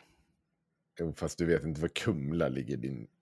Det är klart jag vet Kumla ligger. Ja, hur långt ifrån är det till Örebro? Ungefär lika långt som Gullmars och Vega. Jag behöver inte veta hur långt det är, jag behöver veta vart i landet det ligger. Norr eller syd. Ja, ja, ja, ja. Fortsätt då. Herregud alltså. Jag köpte min båt i Kumla för övrigt. Ja. Min Så kolossalt intressant. Här får båt. man Min höra. båt som vi ska åka så mycket. Jag är så glad. Som man inte ens kan tilta motorn på. Jo, det kan man. Ja, Okej. Snart så. Ja. Eh, vad fan sa Hette hon Caroline? Caroline. Caroline, 32, Kumla från Örebro, djurskötare. Har jobbat som journalist på ETC. ETC. Vad var det mer? Nej, det var inget mer. Nej, okej. Drömmer om ett Eh. lugnt liv med många djur i, nä- i nära natur. Det här är en tråkig person. Eh, och det baserar jag endast på no alltså så här, eh, den, en person som vill ha ett lugnt liv. Jag kan inte tänka mig något mer själskrossande än att vara ute efter ett lugnt liv. Men det beror ju på vad man har för definition av vad lugnt är. Ehm, jag, jag hade förmodligen bara gått i sjön om jag hade levt ett lugnt liv. För att det, vad, vad ska man ens gå upp på morgonen för? Vad är det bra för? Men att hon gillar djur, att hon jobbar som djurskötare, det betyder ju att hon har tidigare varit journalist, så hon har väl förmodligen pluggat till att bli journalist och sen jobbat som det. Men sen har hon insett att eh, hennes kärlek för djuren är starkare än hennes kärlek för sanningen. Så då valde hon att bli djurskötare istället. Eh, och nu är hon det. Och eh, jag kan tänka mig att hon vill nog hellre... Hon vill nog gärna bo i någon typ villa eller ute på landet. Hon kanske vill flytta tillbaka till eh, Örebro. Jag kan tänka mig att hon har nog också hyfsat rika föräldrar, att hon är uppvuxen med mycket djur. Hon hade säkert häst när hon var liten. Eh, och nu gissar jag att hon har typ katter. Som alla som bor i en stadjävel har. Det är allt jag har om henne. Jag vet inte. Men, eh, Sanna, nu, nu har ju Axel fått gett allt, alla sina grejer. Ja. Du, vi har ju, ska vi börja uppifrån och ner? Det är ju först och främst... Du är för Ska- inne i det här. Ja, men Axel kan få också um, skicka till sig. Så han vet vad vi pratar om. Jag lägger det i, i gruppen här. Så han får Oj, se aj. vad han har bedömt. Arvid, 34 år, militär officer, Djursholm. Mm. Som presenteras som någon som bor med sin farmor. Är det, va? Ja, Ja, det är som tycker alls... han är världens gulligaste kille. Han, världens gulligaste kille. Världens bästa kille. Mm. Och Arvid har väldigt mycket kompisar som drar svärd för honom och visar hur man ska festa och har väldigt mycket traditioner kring hur man festar. Mm. Han ska ju bli tillsammans med Ida, 35, mäklare från Stockholm. Ja, han ska vara hennes Aspå. Tarzan. Eh, han är och ju de- snarare hennes eh, riddare på vit häst. Ja, precis. Vad, vad tycker du om det här? Jag, jag får... ah, Det första intrycket, jag sa nej, det där kommer aldrig gå. Men det är... Han känns väldigt skygg och hon känns väldigt oskygg. Ja. Och jag tror att det kommer bli ett problem. Där hon kommer... Ja, ja, ja. Och han kommer... Åh, nej, nej, nej, nej, nej. Ja, men är inte, också, så- är inte det här ett mönster bland kvinnor som vill ha män som ska ta hand om dem? Att det är väldigt ofta de kvinnorna är väldigt självständiga och har en hel del idéer om hur männen ska ta hand om dem. Och har inte de här männen utvecklat exakt de idéerna, då blir Men- det bara skit. Jag vet varför. Det är för att eh, kvinnor som... Mm, det finns två sorters kvinnor som vill att män ska ta hand om dem. Jaha. Eh, det finns hjälplösa mähän som inte klarar av någonting själva. Som egentligen inte, de behöver inte en partner utan de behöver en personlig assistent. Oj då. Ja. Och sen så finns det kvinnor som är, har någon typ av självbild av att de behöver någon som tar hand om dem. Men eh, de är eh, djupt kompetenta eftersom de har varit tvungna att vara djupt kompetenta för att överleva. Vilket har gjort att de har börjat någonstans här, så här, jag behöver en man som tar hand om mig och gör de här och de här och de här sakerna. Men i takt med att livet har tvingat dem att ta itu med att göra de här sakerna som de förväntar sig att en man ska göra, så har de lärt sig att göra dem och slutat tänka på att de gör dem. Som typ jobba, betala hyran, jag vet inte, byta olja på bilen, eh, bottenfärga båten, jag vet inte. All den där skiten. Laga Men så lever de fortfarande kvar den här psykosen av att säga, jag behöver en man som tar hand om mig. Jag vill bara gå runt och vara en fragil liten blomma. Me, me, me, me, me. Jo, Men, men, det, de är inte, utan de är fullvärdiga medlemmar i HA. men vad säger du då, Sanna? Om... Ja, men om det här paret. Jaha, nej, alltså jag, eh, jag tror att hon är för på. Jag tror inte att han är För redo på? för det. Ja. Du tänker att det är hon som är problemet här. Alltså det är hon som är för stark i att nu kommer den här. Nej, nej, alltså så här, jag tror inte att hon är Han för så stark muskler. så. Han har mycket muskler. Jag Ja, jag tror inte att hon är för stark så. Jag tror att han är för svag för henne då. Om vi säger så. Ja, men, ja, ja det tror, det, jag tror att det här kommer vara en likvärdig. Alltså jag tror ju att en, en kvinna som har, lite som Axel sa, eller som jag uppfattar Axel sa, hon har nått för långt i så här bara, Hon är för kompetent. hon är för kompetent, hon har allt så här, och sen har hon en bild av hur hon ska bli swept away, fast egentligen handlar det om, för henne, någon typ av jämbördigt förhållande som inte hon vet om än. Och så kommer det här jävla autistiska fyllot i armén, som är nykterist, och bara ska liksom Ja, Jag jag, avstånd. bor med farmor, jag kan en massa saker och jag är från Djursholm och jag är så jävla stark och hej och jag kommer, När du kommer ut här på mitt bröllop, då kommer det stå en massa folk med svärd här och allt är så jävla... Jag upplever honom inte alls Ja. så. Va? Jag upplever honom inte alls så. Nähä. Jag tyckte att han kändes väldigt så mjäkig. Mm. Mm. När jag tittar på bilden på honom, då tycker jag att han känns mer som eh, Sannas version av en mjäkig person. Än, än den här eh, personen som du beskriver, Henrik. Men jag har ju Mm. inte, sett, jag har inte hört honom prata och jag har inte sett honom röra sig. Däremot så ser jag ju hur han ser ut. Alltså han är där är militär, liksom- han har omgivit sig med de här grabbiga grabbarna i sin umgängeskrets, men jag tror inte han är den här grabbiga grabben. Jag tror att han, jag tror att han kommer vara rädd för henne. Det kommer Tror vara lite mycket. Ja. Jag tror att Men han trivs att- ganska bra med sina grabbar och jag tror att han trivs ganska bra hemma hos farmor som tycker han är världens gulligaste lille kille. Hörrni, Och att- säga... Om det sen ska komma in liksom en stark kompetent kvinna där så tror jag han kommer, oh my god vad är det som händer? Och så kommer han inte palla. För, För han är, inte, här, han är inte någon tuff kille som står och drar svärd. Axel? Egentligen. Om det inte är någonting jätteviktigt så har du fått jättelång tid att säga någonting om alla de här individerna. Jag tänker att vi hastar vidare på nästa annars. jag tänker att du håller käften. Ja, Vad fan är det här? Ja, då får vi... Det sjukaste jag har hört. Det var du som ville att jag skulle prata om de här jävla Jag Det är klart jag vill, men man kan, man kan moderera tiden också. Absolut, men grejen är så här. Eh, Fredrik, 32 år, produktchef Stockholm. Om jag hade fått höra det här om honom, söker en kvinna som är lika stark som hans Ja, mor och Vi, systrar. vi kommer dit. Vi kommer Då dit. hade vi jag ju vetat att han- Dit. Ja, förlåt. Jag, jag, jag bad om ursäkt. Nej, jag, bara, jag bara säger. Då hoppar vi vidare från Arvid, för han, han och Ida. Jag tror på att det kommer gå åt helvete och jag tror det. Men Sanna har en annan åsikt. Vi, Jag, vi ja, nej, nej, behöva- jag tror också att det kommer gå åt helvete, Ja. men på ett helt annat sätt än vad du tror att det kommer gå vi, åt helvete. vi kommer behöva återkomma till det här. Mm.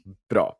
Då har vi August. Han har ju blivit parad med då, Caroline. Eh, Caroline i slutet av den här eh, grejen. Hon djurskötaren, tidigare ETC-personen.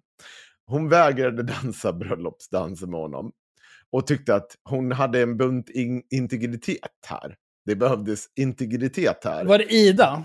Nej, Eh, Caroline. Caroline. Caroline. Ja. Och då tänkte jag så här, när de hade gift sig vid första ögonkastet inför massa kameror och hade gått med på att filmas inför massa kameror och att de skulle gå med på att det skulle vara på si och så sätt och att de, det här är legalt och allting ska ske. Då kände jag att när hon började yra om integritet, då kände jag att Det är lite sent. det är lite sent påkommet. Då, då borde du bara inte ha skickat in den här ansökan. Det, det är vad jag kände. Däremot så kände jag inledningsvis att det här kan nog bli ett par. Ja, det kände jag också. Men när jag såg henne bete sig så här så kände jag att hon är en sån där som kommer falla på sitt eget grepp. Jag vet inte, han lever ju uppenbarligen ett eh, extremt unikt liv i sitt, eget bygg, i sitt egen byggda hus, ute i skogen någonstans, så här, whatever. Och jag Ja. tror att hon tror att hon vill ha det livet, eller hon vill vara den personen som vill ha det där livet. Men jag tror inte att hon är det. Hon vill inte. Ja, hon är ju någon typ av veterinär. Om jag det. Djursjukskötare. Djursjukskötare, hon är absolut inte veterinär. Nej, okej. Fan, någon som går hem. Djursjukskötare, är det ens en utbildning för det? Ja, är det inte är bara typ så här, du känner igen ett djur när du ser det? Nej, det är en utbildning för det. Okej, vi säger så. Ja, men jag, jag, jag var verkligen så här, det här, det kommer lyckas initialt. Sen bara, när jag ser det så bara, här är en person som har gått in för det här och en person som inte har gjort det.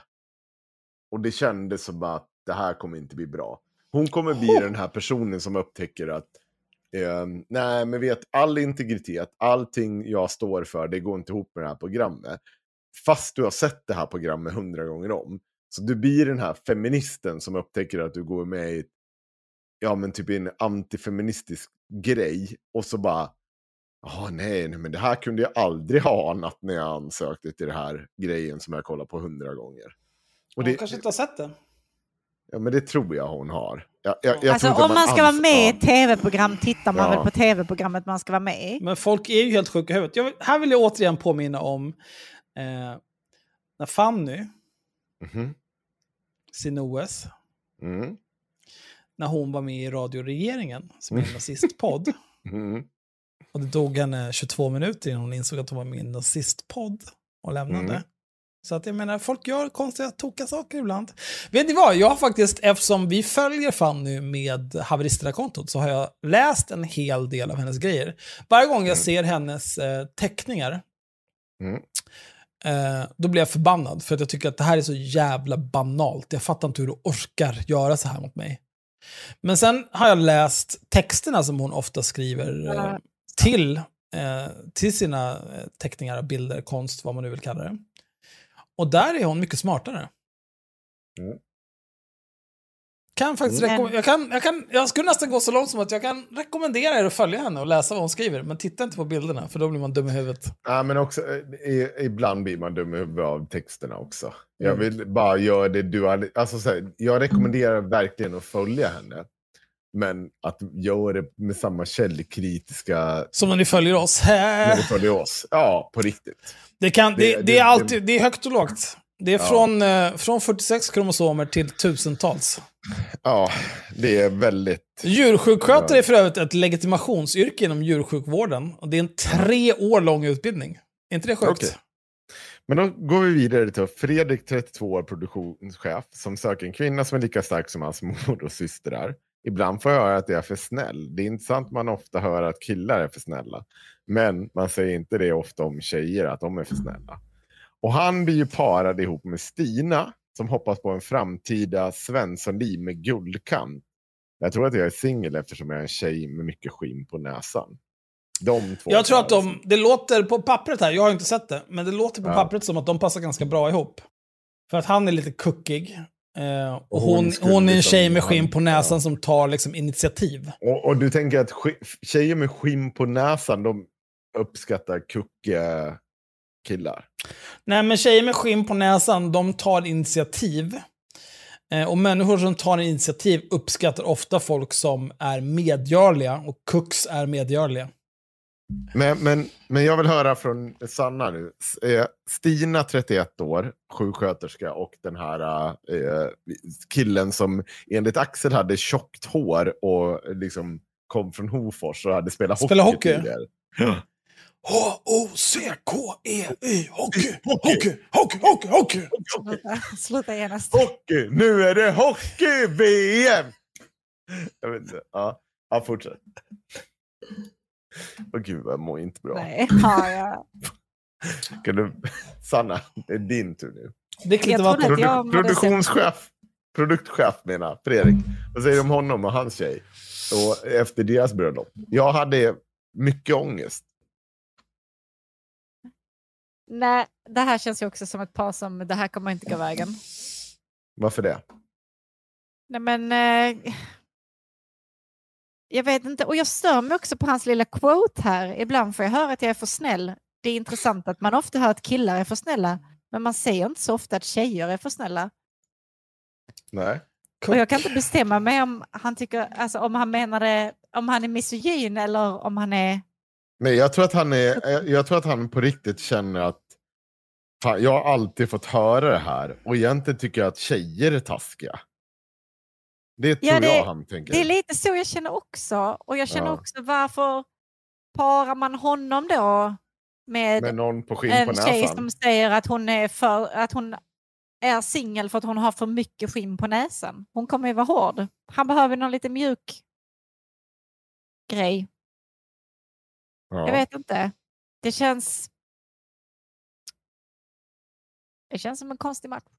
Ja, men det, det var exakt så jag tänkte. Det kändes som en person som att eh, han är den här personen som blev indragen som är verkligen en snäll kille. Som kanske är sjuk i huvudet vid sidan av. Det vet inte jag någonting om. Jag tar avstånd. men Det är inte Nej, jag vet det inte heller det. Bara det här quotet skriker inte snäll kille. Det skriker snäll Det- kille. TM. Det ska, Oh my god, jag får inga tjejer för jag är så snäll kille och tjejerna vill bara ha alla bad boys. Det är den typen av snäll kille det här Ja. quotet skriker. nej, ja, men han är ju- och så plus börjar bli tunnhårig som jag är. Ehm, Är och det när här man, utseende på den nu? Ska vi sitta och mobba folks utseenden? Men jag, jag, jag mobbar mig själv direkt efter. Ja, det måste jag ändå säga. Och jag mobbar Axel för att han inte har hår. Men Ska du Ehm, blanda in mig i det här? Ja, men jag, jag ska du få starkt skit för. inför att det här kommer inte heller bli bra. Det kommer inte bli bra det här. Hon är, det blir också så här, det är också någonting som har varit i, i den här eh, serien. Det har varit den där starka invandrarkvinnan. Som liksom hela tiden bara mobbar skiten ur den här killen som ska vara liksom lite jag vet, undergiven på något sätt. Den behöver en stark person. Det är ju inte så matchmaking funkar. Alltså så här, är jag tror sällan en stark person behöver en undergiven person. För när det sker, då blir det, det blir ingen bra balans. Jag, jag skulle säga att eh, en stark person kommer Mm. initialt känna att en mindre stark person är... Det är allt är nice, för att allting är, går så jävla lätt. Det är så lätt att komma överens. Det är det initiala. Men sen Ja. börjar man känna typ så här, alltså, om du inte har en egen åsikt snart, då slår jag fan i huvudet, för att jag orkar inte. jag kan inte ha det så här. Jag behöver konflikt i mitt liv. Det är det jag lever för. Ja, Men, men det är det psykopat- konflikt, Men det kan ju också bli liksom det här med att man, man inser att, eh, att, att man bara kör över hela tiden. För att man får liksom ingen, ingen respons, inget motstånd man, överhuvudtaget. man, man tappar ju respekten man- för andra personer då. Ja, men har man liksom någon typ av självinsikt där så inser man ju att ehm, det här går inte. För nu är jag en fitta igen. För Jaha. att du bara... Så skulle aldrig jag känna. Jag skulle bara tappa respekten för den andra personen och känna du är svag, jag kan inte ha med dig att göra. Jo, men det gör man ju till sist. Ja, Men jag skulle aldrig håller- känna att jag är en fitta och eller kuk. Nej, men du har kanske ingen självinsikt. Nej, men jag kanske bara är en hjälte. Nej, jag håller nog med Axel där. Att det behöver inte nödvändigtvis handla om att du är en fitta. Alltså, så här, det är bara att du inte tycker om det här. Alltså, så här, du Nej, nej, man tycker inte om dynamiken, nej. Men det är Nej. liksom ändå om man hela tiden bara så här, du får din vilja igenom, den bara viker sig hela tiden, har ingen åsikt någon gång. Alltså då, antingen så är det ju den typen av stark person som bara är bossig 100% av tiden och inte riktigt bryr dig om om den andra säger emot eller inte för du gillar att få din vilja igenom. Eller så är du en stark person utan att nödvändigtvis vara en superbossig person och då börjar man liksom känna sig lite dålig när man hela tiden kör över den andra. jag, tror, jag tror att båda är samma sak. Eller, så här, om, om det första exemplet blir ju, då, då blir det ju också lite att så här, då stannar du där. Då är du någon typ av dominant person, som bara behöver någon som är undergiven dig hela tiden i alla situationer. Då är du ju en psykopat. Det är ju basically en psykopat. Att du ska bara styra och dominera. Du ska in, det finns ingen jämlikhet i det. du ska bara bestämma för den andra vad den ska göra. Det andra du säger, det är ju bara att en person att det Ja, finns men en... man kan ju trivas i, sån, i en sån dynamik också. Det gäller ju bara att den andra personen är Att man är överens. Med alla. Ja. Ja, men... Vad fan, jag, alltså, så det finns så många Men, men det där är ju... relationer Det, där, och- det blir väldigt tillfällen. mycket. Alltså, Alltså, det finns så många tillfälliga relationer jag har haft med kvinnor. Gör inte det. som... Va? Nej men alltså. Ni ser inte vad som händer här. Men katten är här igen. Jaha, men, men jag vill säga det här. inte Ja, jo, men eh, det finns så många tillfälliga relationer jag haft med kvinnor där jag har känt att jag har varit den person som har fått di diktera villkoren på ett sätt som inte har varit rimligt. Som har gjort att så här, det här är inte person jag vill vara med. Ska du bara casually skryta om hur många Nej, relationer du har haft med det, kvinnor nej, nej, nej, nej, nej, nej, nej. Nej, men jag vill... farligt nära Nej, Nej men vad fan, nej, men, så- nej, men det är också så farligt nära att inte någonsin få berätta ur det perspektivet. Och det blir lätt så att det vi har ändå så pratat om väldigt mycket i den här jävla podden. Och, och det är lätt alltid så att så fort man ska berätta om sin bakgrund så blir det så här, nu skryter du. Nej, det var inte det jag ville. Utan det, det har hänt flera gånger det här. Och det är inte så här, det har hänt i relationer där jag har varit kvar i en relation. Där jag har känt att det man nästan begår ett övergrepp på en person. Det får ju inte ske. Du måste ju ha den självinsikten. Och om du inte pratar om den självinsikten så finns det ju inte, då, då, då trycker du ner de killarna som ändå så är villiga att prata om att det här har hänt i den situationen. Och våga prata om det. Jag tycker att det är det får inte, det ska inte ske förhärligande, men det ska pratas om det. Men vi har fortfarande kvar Alexander, 40 år, enhetschef, akutavdelning i Malmö. Hoppas på att de älskar för den han är. Mitt i alltihopa är den starkaste känslan en längtan för att få träffa dig och bara dig. Han matchas med Lina, 37 år, sjukvårdsbiträde i Göteborg. Efter en tids sjukdom vill hon skapa magi med någon. Efter att jag fick min diagnos kände jag nästan att jag var förbrukad som människa. Men det inser jag att jag inte är. Och hon hade nog hjärtbesvär. Och det var förra säsongen var det någon som hade någon typ av hjärnbesvär. Och så, det känns som att det har blivit en grej nu. Med någon som har någon typ av, Kronisk sjukdom. ja, och man bara, mm. Men eh, de träffades och det kändes ju trevligt. Det var lite awkward. Kändes som människor som inte så här, kunde öppna upp sig för varandra tidigt. Hallå? Jag har inte sett det så att... Nej. Alltså jag, jag kände att hon hade lite... ehm, Lite... Hon, hon kände ju sig väldigt liten. Hon hade ju ganska dåligt självförtroende. Så här, kände sig liksom, ja, men som hon beskriver här, förbrukad efter liksom, Mm. sjukdomen och att hon inte var värd någonting och bla bla bla bla bla. Och det tycker jag inte att hon behöver göra, men hon gör ju det. Och det blev väl lite så då när hon... Vilken konstig känsla att ha efter att ha varit sjuk. Eller? Ja, jag vet inte. Det, var- det, var, det var en konstig grej. Alltså, så jag tycker det är konstigt att, att det är som att så här, nu, nej, nu kan inte jag få någon kille. Nu har jag haft en hjärn... Det var någon som, hon hade en hjärnblödning tror jag förra året. Eller något så här. Och nu var det något hjärtproblem. Nu, nu kan inte jag träffa en kille. Och man bara, nej, va, vänta. Nej, men det är Alltså, Det är ju inte, du har ju inte syfilis och hiv. Nej, men det är ju typ av ändå det är ju en uh, varningstriangel. Att typ så här, du kanske rasar ihop imorgon. Nej, snälla, gör inte så. Men det är väl mer, ehm, det var väl mer det att liksom ska hon hitta liksom någon typ av relation med någon så känner hon väl kanske att ah, men så ska han känna att han behöver gå in och typ försörja eller att Eller- hon ja, kommer eller att hon kanske bidra blir- till hushållet eller alltså du vet sådana grejer. Att hon blir långtidssjuk vara- igen och hon, han måste Ja. ta hand om henne och så vidare. Det är ju Och det kan ju jobbigt. vara liksom påfrestande i en redan etablerad relation att någon blir eh, långtidssjuk. Men, Men man behöver ju inte relation- berätta det för folk, känner jag. Eh, Att du är långtidssjukskriven. Ska du dölja det tycker du?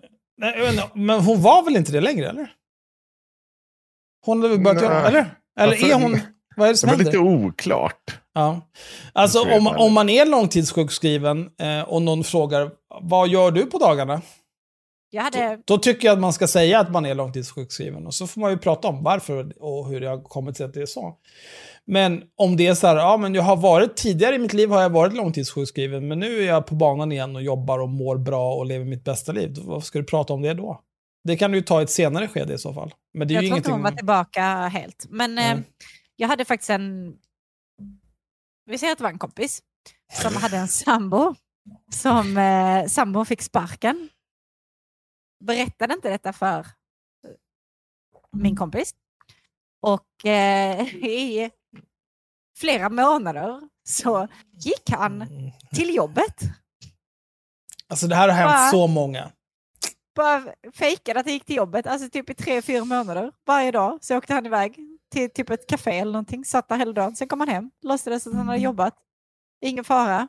I alla räkningar som inte gick att betala gömde han bara undan. Tills eh, Kronkalle kom och sa hallå, Peng? var är alla pengar? Och då bröt han ihop liksom och berättade om det. Så här, tror, ni, tror ni att det gick bra att dölja det eller? Tror ni att det var den bästa lösningen på problemet? Det där behöver man reda ut fort. Eh, extremt Det, spännande. det är bra att vara med i a-kassan. Ja, nej, det var, det var väldigt fint. Helt sjukt. Ja, det, och det, det, det är så långt vi har kommit den här säsongen av... Eh, Det här var en timme typ content av det här. Jag vet inte riktigt vad ja, som jag ber hände. om ursäkt för Vad det. är vi för typ av podd? Det här var helt sinnessjukt Henrik. Ja, det här var mycket. Jag mår Eh, bra. Men vet ni vad? Jag kommer alldeles strax. Jaha, okej. Vad ska du göra? Jag ska hämta med vin. Ja, okej. Kissa med snoppen. Jag ska inte kissa med snoppen för att jag är vuxen. Ja. Jag ska fylla kroppen med mer vin. kissar- nu kissar Senare du skede ska jag kissa med snoppen. Ja. Men jag kommer strax. Mm. Sen har jag en grej som vi ska läsa. Ja. Det kommer bli Sanna. så kul. Henrik. Vad tänker du om Ida, 35 år, mäklare från Stockholm? Vad jag Hon är den jobbigaste människan jag har sett. Hon och jag hade aldrig varit kompisar. Nej, inte. Men det, hon är en sån som man, man blir inte kompis med henne utan att ha 87 os, ostron hemma i kylen varje fredag. Det, det är så det måste vara. Och du måste ha ett vin som kostar åtminstone 600 kronor. Jag måste bara ta mer Alvedon för jag håller på att explodera. Pratar du om vin som kostar 600 kronor? Mm, Jag rekommenderar Moulin Touché. mm. Ehm, du kan nog få typ 85 kan du nog få för 7, 699 kanske. Mm. Ehm, äldre än så, då blir det svårt. Nu ska för gänget höra om en massa efterbliv. Nu är de lite gnälliga i chatten här. Vad gnäller de om? Ja, De gnäller att vi pratar om gift vid sista ögonkastet. Ja, det får man inte göra längre här ibland. Nej. Där, vi, behövde, vi behövde göra det för Henriks skull. Han har tjatat så himla mycket om det här. Det är Ja, men ni hans mentala hälsa. Vi ska återgå till eh, något som är mer vårt vanliga content nu, Mm. tänkte jag. Eh, vi ska prata om någonting som är, man får inte säga att de är nazister längre, men man kan säga att de är nazi adjacent. Oj då. Får, Eh, får man verkligen inte det? Vi ska inte låtsas som att det finns ett förtalsmål som säger att man inte får kalla nazister för nazister. Så oroa dig inte för det, Axel. Nej, jag, det jag är inte det minsta orolig. ja. Jag har ett aktiebolag. Men eh, vi ska läsa en text här nu från eh, en nazi-adjacent person som heter Katarina Janouch. Eh, Katarina Janouch har pratat med Nej, vän... vad fult. Oh, Oj. alltså hon och hennes jävla hemsida. Alltså jag kissar ner mig. Det är inte så svårt. Nej, det är- det, det, det behöver är verkligen inte se ut så här. Åh, herregud. För det första så passar inte menyerna. Så fort man inte har den i fullscreen så passar inte menyerna. För det är tydligen alldeles för svårt att få till. Det är en enkel liten radkod som behöver läggas in. Och sen också när jag scrollar ner här nu och ska läsa texten. Och så ska jag läsa och så, åh nej, nej det gick inte. För att nu kom det ner en jävla banner ner för här. Så att jag kan liksom inte... Åh! Ja, det är inte en bra sida. Bryt, eller bryt. Jag kan inte... äh, Break. Mm. break. Nej, det är inte det jag menar. Jag menar eh, byt. Din webbdesigner, Katarina Janouch. Oj, här är ja, värdelöst. här, längst ner på sidan, notice. OB end flush fail to send buffer of C-lib output compression in bla bla bla bla bla bla bla. Online 5279. Ja, det här är så jävla dåligt kodat. det är ju Ursäkta. fan inte så jävla bra att kräkas ut. Ja, skitsamma. Hon får reda ut det där med vem det nu är som gör den här ruttna sidan. Vi ska i alla fall läsa lite grann här från Katarina Janouch. Sveriges checkaste check. Ehm, hon är ju kompis med eh, vän till podden, Christian Petersson. Mm.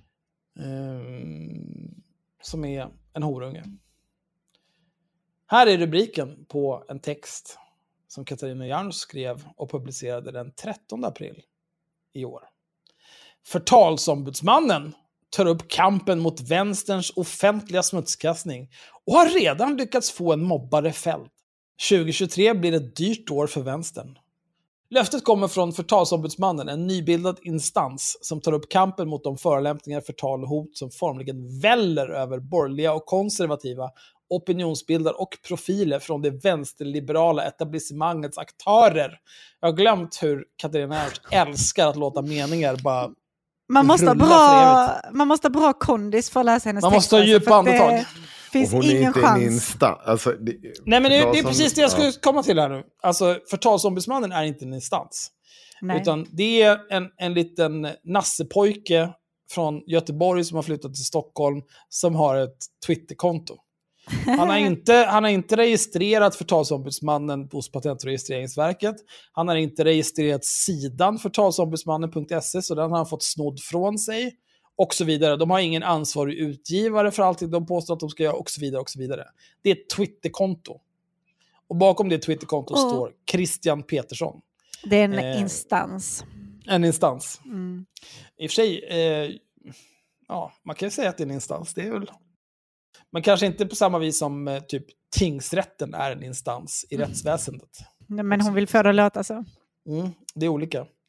Det där är ju lite intressant det där med att, jag vet inte, det känns som att ombudsman egentligen borde vara en skyddad titel. För att vem som helst, alltså när man tänker ombudsman, då tänker jag gärna så här, det här är seriöst, det här är ordning och reda. Men eh, jag började tvivla på det här när eh, Inte din hora, organisationen, hade sin, jag vet inte vad deras ombudsman heter. Horo, kan vi säga.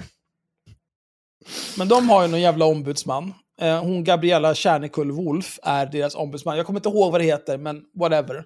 Men jag tycker att det, det, kän, det känns oseriöst att så här, ditten datten hej och hå är ombudsman fram och tillbaka. För att för mig, en eh, late game Gen X, så är en, en ombudsman ändå en seriös person. Eh, eh, som, som gör vettiga saker. Som eh, bistår de som har frågor och funderingar i olika saker och som kanske kan hjälpa till att driva olika typer av rättsmål eller som kan hjälpa till med tvister och så vidare. Så här, det är inte ett, ett jävla nassebarn från Göteborg. Eh, ja, men det är kanske en annan fråga. På sociala medier är det gott om dessa utspel där det verkar fritt fram att sprida missaktning mot Sverigevänner och ofta gå till angrepp med aggressiva tongångar där även våld utlovas. Här vill jag, eh, vän av ordning här, vill påpeka att eh, Stoppa undan fingret. Snälla, det där är för jobbigt. Eh, Katarina Janouch skrev en gång på Twitter om eh, när eh, dåvarande Svenskarnas parti skulle ränna ner på stan och eh, misshandla folk och eh, vara någon slags medborgargarde och rensa gatorna och hålla ordning och reda. Då skrev, jag kommer inte ihåg exakt vad hon skrev, men det var någonting i stil med så här, rensa upp gatuslödder, hej och. Och då var det olika typer av marockanska gatubarn det handlade om. Men då satt hon ändå så här, var ganska nöjd över att eh, vuxna nazister skulle misshandla barn. Mm. Eh, aggressiva tongångar där även våld utlovas. Mvh Katarina Janouch. Det är knappast någon hemlighet att vi inte är lika inför lagen i Sverige, eftersom aktörer till vänster hittills kunnat komma undan med grova påhopp och dödshot och blir till och med försvarade av den socialdemokratiska makteliten, till exempel Magdalena Andersson och Annika Strandhäll. Här hade det ju varit helt otroligt Eh, om jag hade varit Katarina Janouch, någonting jag hade gjort här det är att pepprat hela den här meningen med länkar till saker som styrker min tes. Eh, jag räknar till exakt noll länkar. Nu har förtalsombudsmannen rönt sin första framgång då man lyckats fälla en vänsteraktivist för förtal och många fler stämningar väntar. Här kan vi då säga att eh, den vänsteraktivist eh, som åsyftas här har absolut inte blivit fälld. Utan det som har hänt är att eh, en, eh, en Nassa Hagga har eh, lämnat in en stämningsansökan, ett förenklat tvistemål, där hon hävdar att hon har blivit förtalad av den här så kallade vänsteraktivisten. Eh, den här vänsteraktivisten har inte svarat på den stämningsansökan och då har den tingsrätten, eller den rätten har automatiskt dömt till fördel för den som lämnade in stämningsansökan. För det är så förenklade tvistemål fungerar. Eh, den här personen som då har blivit ålagd att betala skadestånd baserat på att hon inte hörde av sig i princip. Kan begära återvinning och då kommer det här redas ut och så kommer det bli liksom ett riktig, en riktig förhandling om det här. Vad har hänt? Vad kan ni tänkas göra? Hur ska ni reda ut det här? Och så vidare. och så vidare. Men det är absolut ingen i det här fallet som har blivit fälld för förtal. Det är en ren och skär lögn. Taktiken är välkänd från totalitära stater och främst kommunistiska diktaturer. Smutskastning och anklagelser om att individer som uttrycker åsikter som går emot etablissemanget ska anklagas för att vara klandervärda och på olika sätt olämpliga. I Sverige går det främst ut på att anklaga individer för att vara rasister och nazister. Mm. På så sätt vill man diskreditera, obs, inte misskreditera som vi säger på svenska, utan diskreditera som vi inte säger på något språk som existerar. Sina meningsmotståndare. Genom att sprida falska anklagelser och rykten skapas missaktning och rädsla för att bli associerade med fel åsikter. Här ska det också vara associerad, inte associerade. Mm. Se bara drevet nu senast mot Carola, när hon bara säger hur verkligheten i Sverige urartat. Men de här smutskastningskampanjerna är effektiva. De leder till att åsiktskorridoren med stort Å cementeras och de flesta vågar inte uttrycka sina åsikter offentligt i rädsla för att bli brunmålade och i värsta fall utfrysta och förlora jobb och social ställning.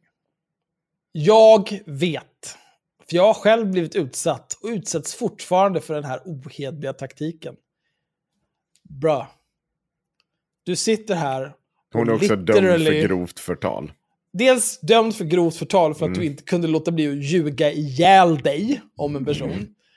Och också, bra, du sitter här och bokstavligen för fram fascister och nazisters budskap i den här texten. Du behöver ta dig samman. Och, come at me, vi ses i tingsrätten. Måste vi?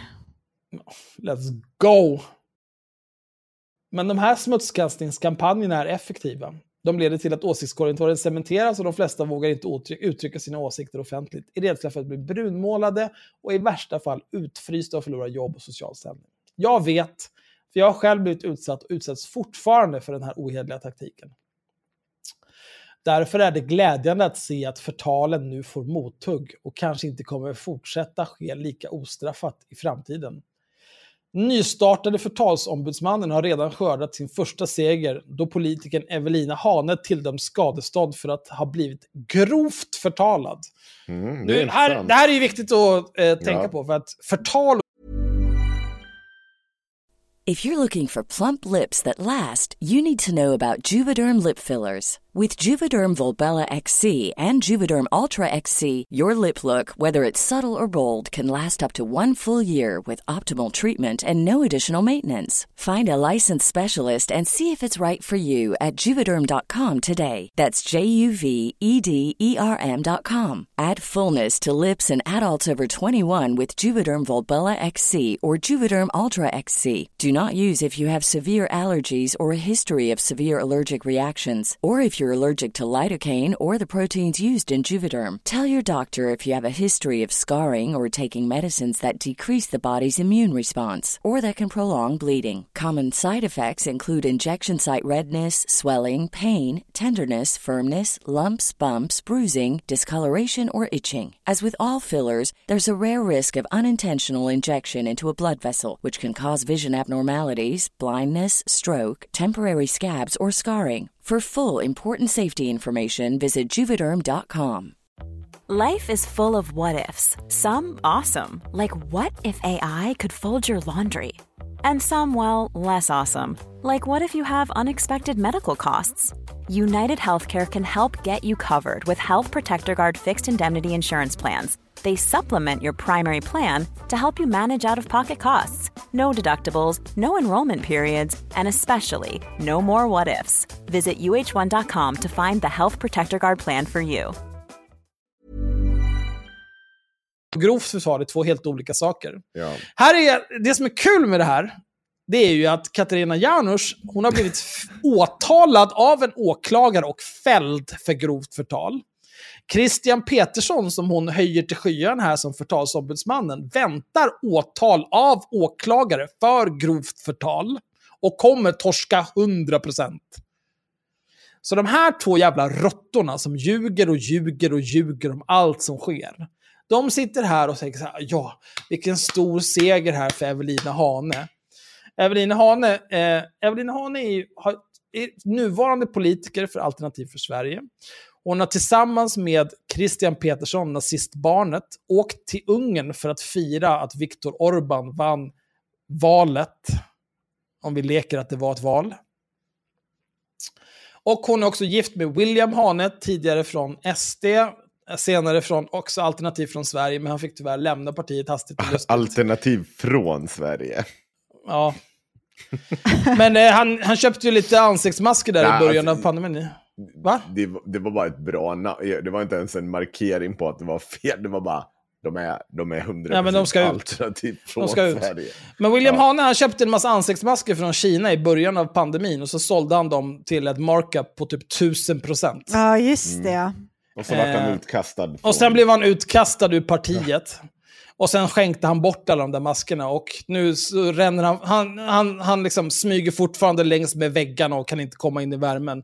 Men hans fru Evelina Hane, fascistkramaren som, åkte, som åker till ett fascistland som Ungern för att fira att en fascist som Orban har vunnit ett låtsasval. Henne får man absolut inte kalla för någon, någon typ av nazist. Nej, okej, vad bra. Um, jätte, jättebra. Jag tog kontakt med Christian Petersson som är talesman för försvarsombudsmannen. Försvarsombudsmannen? Förtalsombudsmannen ska det vara. Obs, det var inte jag som läste fel, det står fel. För att be honom berätta mer. Christian Petersson är inte talesman. Han är Han är den enda. Han är den enda personen. i, i den här Bakom organisationen. Eller, Twitterkontot. Mm. Ja, ja. Det är säkert fler som har tillgång till Twitterkontot, även om eh, Krille gillar ju Twitter. Han gör ju det. Han är lite grann av en Twitter-savant. När man twittrar, twittrar man och då twittrar man rejält. Hej, berätta lite mer om för, försvarsombudsmannen igen. Ja, ja. Hon vet Men- inte ens vad det heter. Det är så Nej, hon är ju... Ja. Nu är det alltså Krille som svarar på frågor här. Med åren har den politiska debatten reducerats till att mer likna en gyttjebrottning där den smutsigaste spelaren har vunnit debatten i sociala medier. Extremister långt ute på vänsterkanten har utnyttjat sitt våldskapital och ställning inom media för att förfölja politiska motståndare genom hatkampanjer och brunsmetning. Begrepp som nazist, rasist och fascist har missbrukats till den grad att de inte längre innehåller någon substans. Vilket är synd, framförallt för de som drabbats av dessa ideologier. Mm. Oj då. Förtalsombudsmannen är en förening som erbjuder gratis juridisk rådgivning, bakgrundskontroller på gärningspersoner och civilrättsliga stämningsansökningar för privatpersoner som felaktigt har pekats ut som klandervärda i sociala medier och utsatts för drev. Vid exceptionella fall finansierar vi enskilda åtal genom vårt nätverk av sponsorer och jurister. De organiserade förtalskampanjer som pågår i sociala medier är skadligt för en sund diskurs på nätet. Förtalsombudsmannen vill verka för en hövligare, trevligare och mer human kommunikation människor emellan. Vad är, det, vad är det han själv driver? Ja, det är väl vänsterkollen avmaskerat och lite andra Nej, nej, jag bara menar vilka förtalskampanjer driver han själv som bidrar till den här skadliga diskursen på internet? Du menar det här som man väntar åtal för grovt förtal för? Nej, nej, som han säger att han ska gå ut och stämma massa folk och han ska skicka massa, organisera människor för att skicka SOS-anmälningar och bla bla bla. Det är ingen fara för den sunda diskursen på internet. Nej, Men nej. när, när, när, Där kan ju också... när andra gör det, Vi, där kan vi nämna att vi har ju... Eh, något, något som vi ofta golar om i den här podden är ju om hur duktig Christian Petersson är på att gola ner sig själv och sina kompisar.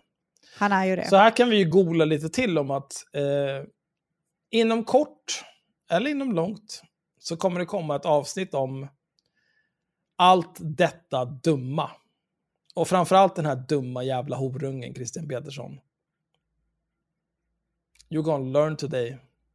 Och det kommer bli fantastiskt! Jag ser verkligen fram emot det. Det kommer bli så himla roligt. Men vi har mer att läsa här. Eh, Eftersom jag har rätt många kontakter som jobbar som advokater och jurister sedan tidigare ville ta... Ja, okej, jag hade bara felformaterat. Eftersom jag har rätt många kontakter som jobbar som advokater och jurister som sedan tidigare ville ta saken i egna händer och ta striden mot vänsterns näthatare. Vi, började med att stämma, vi började med att stämma IRM-grundaren Henrik Johansson och hans poddkollega Axel Öhman. Men det, är- det är problem, problemet här att han som stämmer oss inte vill veta av att han har någonting med de här människorna att göra. Och det, det är fantastiskt. Men han ville ju ha det tills de inte ville ge honom pengar. Nej, nej, Nej, nej. nej, nej, nej, det är personer. Nej, fel. men Det är låt mig berätta, låt mig berätta Ja. nu. Så här är det. Ja. Eh, Christian Petersson, Mm. en väldigt lång person som heter Mattias och en mördare var hemma hos Henrik. I samband med det så pratade vi om att de här två nasseungarna, Christian och eh, Mattias, Mattias som också har varit företrädare för Alternativ för Sverige, att de var hemma hos Henrik och att de blev skjutsade dit av en mördare och en, också en veteran inom den svenska högerextremismen. Men det är inte lika intressant som att han 1994 högg ihjäl en person med 90, 26, nej jag sa 96, det hade varit helt sjukt. 26. 26 knivhugg. Och som jag har sagt varje gång vi pratar om den här jävla apan. Ta en smörkniv, gå och hugg en kudde 26 gånger, se hur lång tid det tar och se hur du mår efteråt. Fundera på hur den här jävla människan fungerar i huvudet. Och om, om man liksom, anledningen till att jag, jag nämnde flera gånger så här att eh, si och så är en mördare och nazist. Eh, skrev jag på Twitter flera gånger, för att jag tycker att det är det är lite konstigt liksom att eh, eh, Henrik blir trakasserad av nazister som har med sig en mördare. Det är lite märkligt. Det är värt att poängtera och kanske säga någonting om. Eh, om man tänker att man kanske kan få lite någon, någon typ av stöd från alla andra vänsterspöken som tycker att de är så jävla duktiga hela tiden. Som eh, många varav nyligen nu, när en annan person har blivit stämd av Christian Petersson och förtalsombudsmannen, har upptäckt att allt det här är en grej. Så här, oh, wow, en massa jävla nazister beter sig som nazister och trakasserar hederligt folk. Ja, välkommen till ett år sedan för oss, era dumma jävla horor. Men det är klart, ni är fortfarande sura över att vi, vi uppmärksammade att Cissi Wallin är helt jävla galen och att Linnea Claesson ljuger. Nej, men jag förstår. Det är klart. Nej, men jag förstår att ni har haft annat att göra. Men jättebra. Men i alla fall, eh, då stämde den här mördaren och nazisten mig för förtal och han vann och fick 5000 spänn av mig. Sen stämde han Henrik eh, och vann och fick 5000 spänn av det. Och nu har han stämt mig igen och kommer förmodligen få 5000 spänn av mig. Jag kunde inte bry mig mindre. Han är fortfarande en mördare och nazist. Nej, jag tycker inte att han ska få det. Ja, han det kanske får det. Vem fan bryr sig? Ja. Ja. men vem bryr sig? Det spelar ingen roll. Ja. Det det handlar om är att han är fortfarande en mördare. Eh, Och han är fortfarande en nazist. Och nu säger Christian Petersson här, den här nazisten och mördaren förnekar ju såklart att han har någon typ av samröre med Christian Petersson. Han förnekar att han har varit i närheten av Henriks hem. Eh, under, eh, under en förhandling som jag hade med honom, "Åh, men finns det några bilder på mig? Nej, där, du kan inte... bä, bä, bä, bä, bä." Han var väldigt upprörd kring det här. Men såklart, sin, sin vana trogen, så Christian Petersson, gola ner honom. Ja, först så stämde vi Henrik och Axel. Okej, vilka, när blev jag stämd sedan? Så just det, det var den här nazisten och mördaren. Ja. Som inte hade någon Som, kontakt som med absolut dig. inte har... Som inte ville veta av. Han har dåliga. inte haft någonting med det här att göra på massor av år och allting så här. Jag är inte fast nazist. Christian, det är dumt om du berättar att du är inblandad i det här då. Då hade du kunnat tona ner det där, men nej, nej men gola då. Men det är viktigare att skryta om vad man låtsas att man har uppnått. För det är inte mycket de har uppnått. Vi fortsätter. Vi började med att stämma IRM-grundaren Henrik Johansson och hans poddkollega Axel Öhman. Därefter växte projektet som ett informellt nätverk som senare blommade ut i ett mer officiellt och utåtriktat projekt som fick namnet Portalsombudsmannen. Det är väldigt många ord för att säga jag skapade ett Twitterkonto. Mm. På grund av det polariserade debattklimatet som vänstern har skapat kan inte våra tjänstgörande jurister gå ut med sina identiteter på grund av risken för eventuella våldsbrott som vänstern brukar utföra mot civilsamhällsorganisationer som granskar deras verksamhet. Det är väldigt många ord för att säga att ingen av de jurister som du har knutna till det här vill synas och bli granskade och få skit för att de är nazister. Vi vill även stödja opinionsbildare som felaktigen förföljs av vänstervridna åklagare. Har ni fler stämningar som ligger i pipelinen? Just nu har vi pågående stämningar mot AFA-aktivisten Loan Sundman. Känns konstigt att kalla henne AFA-aktivist, men okej. Henrik Johansson, det är du Henrik. Axel Öhman, det är jag Axel. Myra Örman, det kan man ju tänka sig att det kanske är vår före detta kollega Myra Åberg Örman. Örman är felstavat här såklart också. Eh, flera Twitter-troll, Centerpartisten Anton Sauer, en dokusåpaskådis, blä bla bla bla bla bla, Expo-aktivisten Morgan Finnsjö, fi- felstavat. Ja, alltså det är också felstavat hans namn såklart. Och ett antal andra vänsteraktivister och politiker som vi ännu inte kan nämna vid namn. Vi har redan blivit en motvikt mot vänsterns olika frontorganisationer såsom Näthatsgranskaren, Civil Rights Defenders, Juridikfronten och så vidare. Här skulle jag vilja eh, ta en, en snabb paus och prata om, alltså Näthatsgranskaren. Eh, jag, jag tycker att Näthatsgranskaren känns som att han helt och hållet driver ett personligt vendetta mot Joakim Lemott. Men det gör han kanske? Ja. Ja, jag är helt okej med att han gör det, men jag fattar inte varför ska jag behöva ta skit för det? Jag bryr mig inte om honom. Fuck honom. Jag, jag, jag får inte ta del av de här pengarna. Jag bryr mig inte om det. här. Civil Rights Defenders. Vem är, vilka är ni ens? Juridikfronten. Hallå? Jag har inte sett en spänn från någon av de här människorna. Varför ska jag behöva ta skit för det här? Så det kommer jag säga här och nu. Näthatsgranskaren, näthatsgranskaren, Civil Rights Defenders och Juridikfronten, ni kan höra av er med en essä på minst 5000 ord om varför jag inte ska fakturera er 20 lax för sveda och verk. Bra, lös det. Vad är målsättningen framåt? Vad är din vision för debattklimatet? Gud, vilka smarta frågor hon ställer här, Katarina. Det är smart förutom att hon inte vet vad den heter ens och kallar den försvarsombudsmannen. Ja, men hon kanske inte mår så bra. Förtalsombudsmannen vill att den svenska debatten ska präglas av sakpolitik och inte personförföljelse. På så vis möjliggör vi för fler oppositionella att ta steget ut i offentligheten så vi på allvar kan diskutera Sveriges ödesfrågor. Det efterblivna som pratar nu. det är det vi... är det pratar du här? Nej men det är alltså, det är så jävla, grejen är så här, när Christian pratar, han låter ju utvecklingsstörd. Han låter ju som ett Jag barn. försöker ju bara liksom, jag, jag försöker, alltså han har, han, jag vet inte hur de har fått fram den här texten, men den, den är, det känns som att det är ChatGPT som har skrivit den. För att det är liksom, det är inte en, det är inte en, en människa pratar inte så här. En människa uttrycker sig inte på det här viset. Kan man stötta Förtalombudsmannens arbete och var hittar man mer info? Vi arbetar på att lansera en hemsida där vi kommer att uppdatera våra följare med aktuella stämningar och ge bakgrundsinformation om varför vi stämmer vissa personer, till exempel Mattias Våg. Varför tar det sån, varför tar det sån tid att eh, lansera den här hemsidan Christian? Step up to the streets. Är det för att någon stal domänen? Ka- Det kan, kan det vara det? You Eh. got owned, owned, owned, owned. Eh, vi planerar också att starta en podcast, men väntar på ett utgivningsbevis innan vi lanserar hemsidan. Och som sagt då, det här utgivningsbeviset, det är ju inte ansökt om.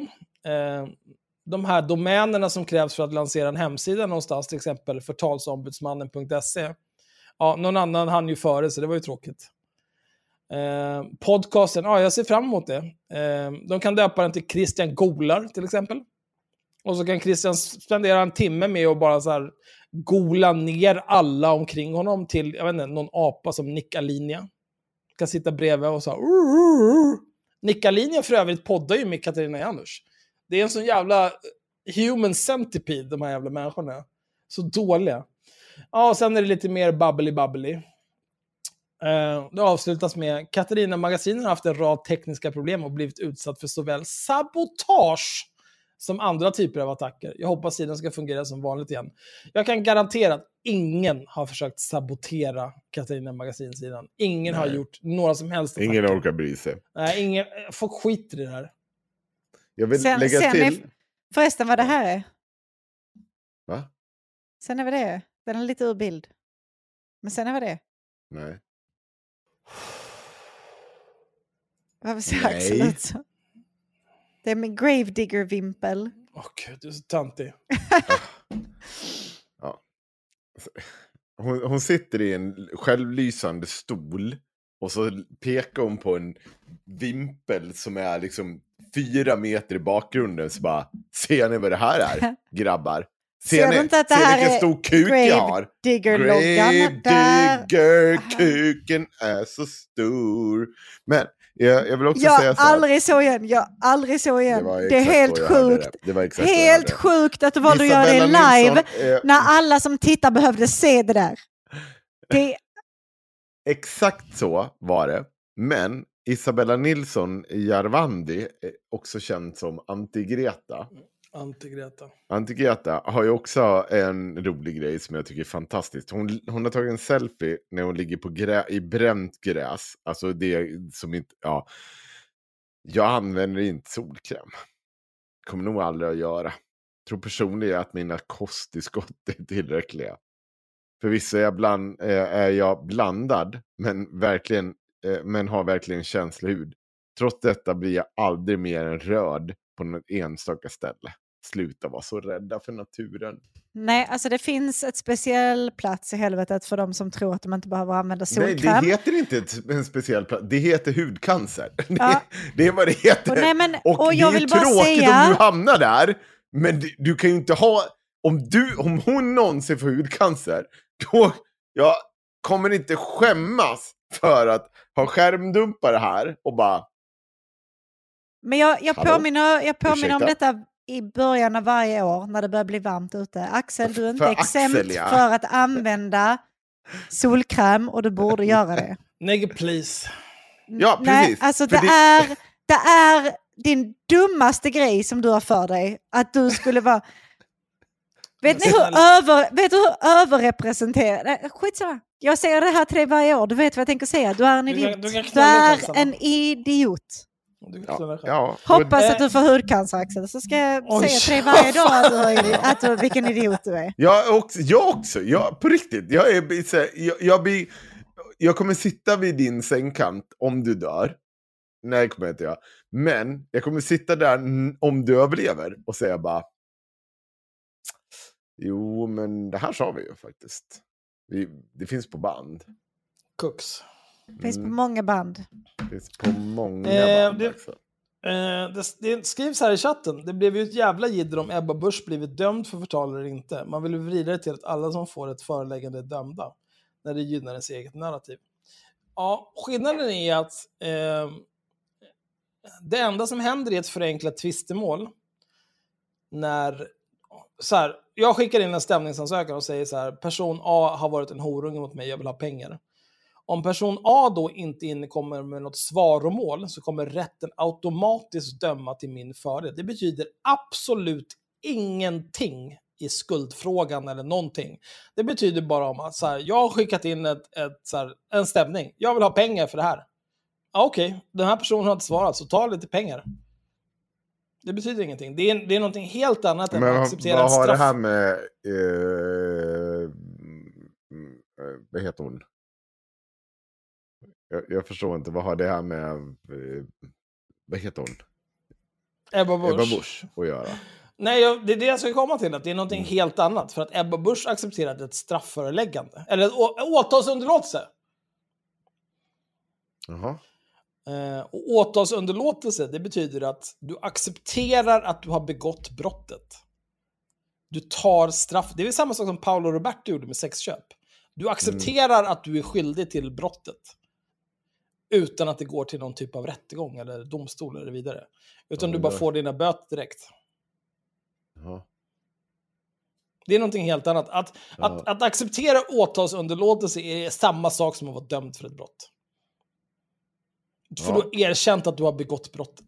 Det är någonting helt annat än att inte svara på tilltal i ett förenklat tvistemål. Ja, det, det är det. Det är, ja, det är 100% olika saker. Ja, ja, visst. Timbro har twittrat lite. Har ni sett det? Va? Vem fan bryr sig? Nej, när skulle jag ha sett det? Nej, okej. Vad har de Nej, twittrat? nej. Vill du prata om det? Det är så här. Eh, Johan Persson skrev eh, igår en debatt eh, om tågstrejken i Stockholm. Då skrev han så här. Stockholms tågförare strejkade i tre dagar mot slopade, tåg, eh, mot slopade tågvärdar. Trots att deras arbetsuppgifter kan ersätta av tekniska lösningar och spara oss skattebetalare många miljoner varje år. Pendeltågkaoset har drabbat 460 000 resenärer som försökt ta sig till jobbet. Kostnaden för skattebetalarna för strejken landar på över 330 miljoner kronor på bara tre dagar. Strejken var vild, det vill säga inte sanktionerad av facket och har kritiserats även från vänster. Men även när strejken har fackets godkännande är styrkeförhållande på arbetsmarknaden ojämn. Fackförbunden har ett stort övertag mot arbetsgivarna.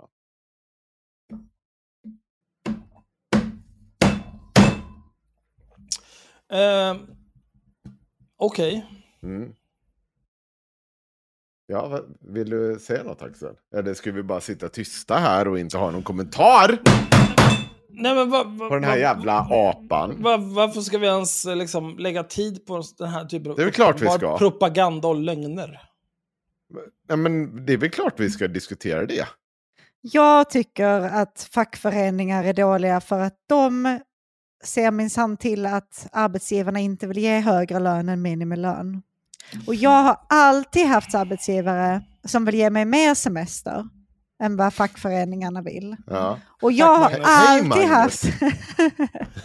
Vi ska ju spela in med Magnus snart. ja ska vi ska inte? spela in med Magnus.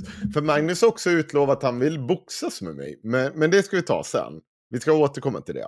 Det låter så jävla dumt. Det låter Eh, toppen, Axel. Ja, det nej, låter men lo- lo- toppen. Jo, jo, det är klart, men... Alltså det låter dumt ur hans synvinkel. Det, det kommer inte få hans barn att skämmas mindre för honom att du slår sönder honom direkt. Nej, jag, jag, kommer inte, jag, jag tror att Magnus kommer ha mycket att lära mig. Det tror jag faktiskt. Mm, jag tror också det. Både i boxning och om fackföreningar. Ja, absolut. Alltså, jag tror att han kan riktigt så här, det kommer bli jobbigt, jag kommer känna, jag kommer behöva krypa ihop, det, det kommer vara grejer som händer. Och, och jag köper det. Jag vill bara... Och Du kommer behöva sköldpadda ett par runder och... Ja, ja, och folk får gärna filma det och håna mig tills jag dör för det. Det är okej. Vet du vad? Eh, jag ska göra dig en tjänst, Henrik. Mm. Om, om du boxas med Magnus, Mm. då lovar jag att jag kommer se till att vi kommer filma det där ur tre olika vinklar. Ja. Mm. eh, så att du kan titta på det sen och se så här, när, när tappar du garden? När borde du backat? Och så vidare. Så här, när borde Det- du det varit köper jag. snabbare med jabben? Hålla Ja. honom borta på det där viset. Ja, det ordnar jag åt dig, det är inga problem. Tack. Det gör jag så gärna för din skull. Toppen. Eh, jag har en sak att säga om det här Mm. med pendeltågsstrejken. Eh, Mm. Grejen är så här. Eh, alla, det är väldigt många, alltifrån liksom moderata politiker till, eh, Timbro som gång på gång skickar upp eh, fascistiska rovkapitalistiska väderballonger för att kolla hur långt kan vi flytta opinionen. Mm. Eh, och någonting som alla de här människorna inte missar, för att de vet precis vad en vild strejk är för någonting. Någonting de inte låtsas om, det är att facken har ingenting med en vild strejk att göra. Det är det som är själva definitionen för en vild strejk. Den är inte Mm. anordnad av fack, något fackförbund. Faktum är att eh, eh, tills nyligen så hade alla fackförbund som har med den jävla pendeltågsskiten att göra tagit avstånd från den här vilda strejken. Mm. Men tillräckligt många av eh, de här lokförarna, jag tror det var, de hade något möte på inte, 300 lokförare någonting och 150 röstade för att de skulle strejka vilt. Nu strejkar vi vilt, vi vill inga djur, nu ska vi fan i mig ha våra fläktar! Hanna från Arlöv, Nationalteatern, 1974. Lika sant då som nu, som när jag föddes 1979. Inga konstigheter. Jag vet inte vad jag ska säga. Eh, Timbro och alla moderater som uttalar sig om det här är horor och de ljuger. De ljuger. Det är det som också, någonting som har eh, eskalerat med eh, högern under just den här pendeltågsstrejken är hur villiga de är att ljuga om vad som pågår. Det tycker, jag, jag tycker att det är helt sjukt faktiskt. För att, eh, så här, jag skrev en grej, jag ska ta upp den här direkt, omedelbart. Åh, det var bara så här, eh, för, för det här, allt det här handlar ju, pendeltågsstrejken handlar om att de blågröna, när de hade styret för Region Stockholm, så ville de ta bort tåg, tågvärden och ersätta dem med kameror i pendeltågstrafiken. Eh, när, eh, jag, vet inte vilka det, jag vet inte ens vilka det är som styr i Region Stockholm nu, men jag vet att det är sossarna. Då tänker de så här, ja men absolut, det är klart vi ska ta bort det här och så sätta in kameror. Under de här snökaosen som har varit här, då har man ju sett en hel del bilder på hur det ser ut. Hur tror ni att kamerorna ser ut? Alltså de här tågen är ju liksom, jag vet inte hur jävla hu många hundra meter långa. Och så sitter det kameror lite varstans, man ser inte ett jävla skit i förarkabinen när de ser de alla de här kamerorna. Det är bara vitt, för det är snö överallt. Tåget är skitlångt, det kan vara upp till 1800 passagerare som lokföraren är ensam ansvarig för. Jag har, jag har ju samlat eh, 16 artiklar typ om det här, men jag väntar på att få svar från olika människor som ska vara med, som är lokförare och tågvarare och så vidare, som ska vara med och prata om det här, innan vi tar itu med det här på riktigt. Men det handlar också om att så här, om du till exempel är rullstolsburen, då finns det en speciell plats på perrongen där du ställer dig, där tågvärden alltid kollar och så ser de till att du kommer på tåget och så frågar de så här, var ska du av? Och så ser de till att du kommer av. Nu funkar inte det, för det finns inga tågvärdar längre. Så nu är det stationsvärdena på vardera, varje enskild station som måste sköta det här och se till så att folk i rullstol till exempel kommer på tåget. Och sen måste de meddela personen som sitter i, i spärren på stationen dit de ska åka, att du måste vara beredd på det här tåget när den personen kommer att släppa av dem. Det funkar inte! Men då, det är så jävla dumsnålt och efterblivet det här alltså. Eh, ska vi se, vad är den här äckliga jäveln? Här. Johan Norell. En inte helt opartisk person. Ja. Johan Norell han har skrivit en massa för Timbro. Han är liksom en, en jag vet inte, typ en liberal kan man väl säga. Före detta ordförande för moderata studenter och så vidare. Eh, han skriver så här. Strejken i pendeltågstrafiken kostar resenärerna 130 miljoner kronor. Den drabbar människor som hindras från att komma till skolan, jobbet och läkarbesöken. Läkarbesöken. Enkel beräkning redan. Pendeltågen har 368 000 dagliga passagerare och strejken varar i tre dagar. Det innebär att 1 104 000 resor påverkas totalt. Strejken har inneburit att två tredjedelar av alla tåg ställs in i första dagen. Låt oss anta att det fortsätter så att lika stor andel av passagerarna drabbas av förseningar. Det betyder 736 000 förseningar. Nästa steg är att uppskatta hur lång en genomsnittlig försening är. Det är svårt att veta exakt, men låt oss förenklat anta 30 minuter. Och det här är ju liksom... Mm, man kan säga så. Jag bor ju på pendeltågslinjen. Jag ser när pendeltågen går här. Jag kan titta ut och så ser jag när nästa pendeltåg går åt vardera håll. Och under de här tre dagarna, måndag, tisdag, onsdag, när pendeltågen, eh, när det var så här, strejk och typ två, all, allting var inställt. Det var ändå så här, det går att planera. Du kunde åka in till stan på morgonen. Jag vet jag gjorde ju inte det för att jag är med data så jag behöver inte röra mig. Men jag gissar att det var ganska mycket folk på pendeltågen. Men vad tror du under en strejk? Förmodligen samma skit när du ska åka hem. Men vad tror du under en strejk? Det är det som är hela grejen. Det ska vara jobbigt för folk. Folk ska bli rasande över att det inte fungerar och kräva att det ska funka. Så att de som strejkar får sina krav till. Det är liksom helt okontroversiellt. Eh, det är svårt att veta exakt, men låt oss förenkla ett antal 30 minuter. Och här är ju eh, Jon en riktig hora. Alltså tid som människor går hemifrån tidigare på grund av strejken, extra tid de väntar på perronger, kommer för sent till jobb och så vidare. För här försöker han liksom vända. Det är klart att man blir frustrerad. Så här. Jag kan inte, vanligtvis är det kvartstrafik här. Åt båda hållen. Dygnet runt. Nej, inte dygnet runt, men de tider det spelar roll. Eh, Alltså att så tåget här- går varje kvart. Tåget går varje kvart åt båda hållen till typ eh, från, jag tror typ strax runt fem på morgonen till strax innan två på natten. Det är tre timmar mitt i natten du inte kan åka pendel, men då finns det nattbussar. Eh, och liksom, men det är alla de här äckliga jävla alltså, frihetshatarna gör, det är att de försöker ju vända...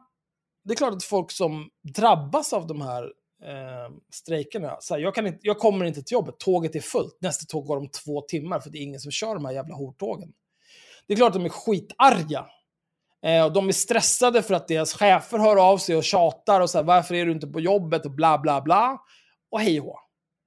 Men att försöka vända deras frustration över situationen mot de här, eh, de här lokförarna som strejkar för att de vill ha tågvärdar.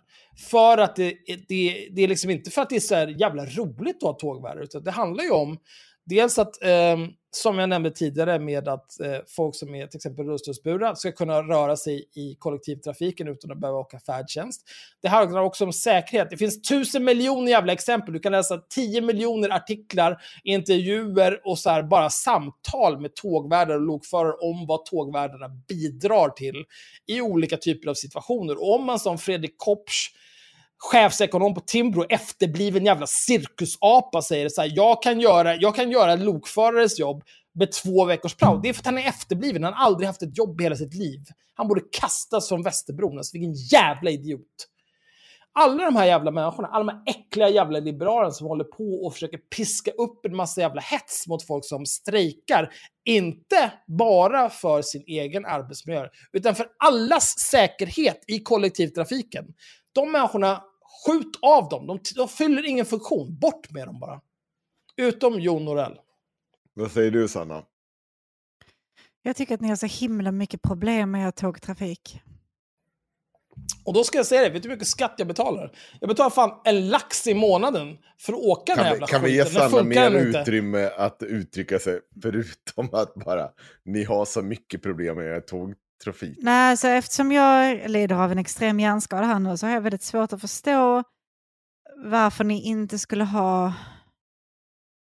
Alltså kom ner till Skåne, åk lite pågatåg runt i sommar och så bara kan du gör inte berätta hur det likadant där funkar uppe. där? Hur funkar pågatågen? Det är tågvärdar. Okej. Vad menar du? Okej, men o- om jag vill åka runt i Malmö med omnejd, kan jag åka pågatåg överallt? Ja, Alltså inte inuti Malmö, pågatågen går ju runt i Skåne. Ja, det finns ju vissa stationer inne i Malmö du kan åka på, det är inte ett problem. Du kommer dit, ba- har du någon typ av, eh, du behöver hjälp på, där är en tågvärd, den kommer hjälpa dig på, det är inga problem. Biljetterna kommer kollas, bam, bam, bam, klart. Inte något sånt Okej. jävla skit att vi ska gå och, åh nej nu ska jag sura och inte visa biljetten här för att någon, någon har blivit bara, Du sitter där, de, du hör så här långt i bakgrunden, nya resande. Har du din telefon? Och du har biljetten uppe och sen så när den kommer så gör du bara så här, ja, och så blippar den och sen säger den tack så mycket och sen så går den vidare. Det är inte ett problem, du behöver inte ens avbryta konversationen du har. Du bara sitter och pratar, du håller upp din telefon så, ja, den är blippad, ingen fucking fara, klart. Vi, Nice. vi är liksom inte, vi är inte Inga odjur. tåghaverister här nere, nej. Nej, Inga men problem. vi är odjur. Och så kommer det någon med rullstol, den får hjälp på. Antingen så är det tågvärden eller så är det någon annan person som hjälper den här på. Det är liksom, det, folk kommer på. Folk kommer För av. mig är det så mycket viktigare att eh, som liksom, facklig representant inom LO att inte ge en skev syn av vad som är en vild strejk. För det... Oj, hallå? Vad händer nu? Har du på att vi- visa upp någonting? Ska du visa upp någonting här Axel? Nej, sluta. Ska jag, kan, ska jag fortsätta prata eller vad, vad händer nu? Kommer det hända saker? Nu tog vi en Pewdiepie-paus tydligen. Ja, okej. Jag vet inte vad som händer nu. Men ehm, jag skrev ju bara någon, någon tweet, tweet om det där. Så jävla bra. vadå? Jag vet, jag vet inte vad som händer här. Det, är- det är någonting som spelar oss upp och jag vet inte om det händer. Jag älskar Pewdiepie. Vi är färdiga nu, det är klart. Ja, Ja, i alla fall. Eh, och jag tror inte min...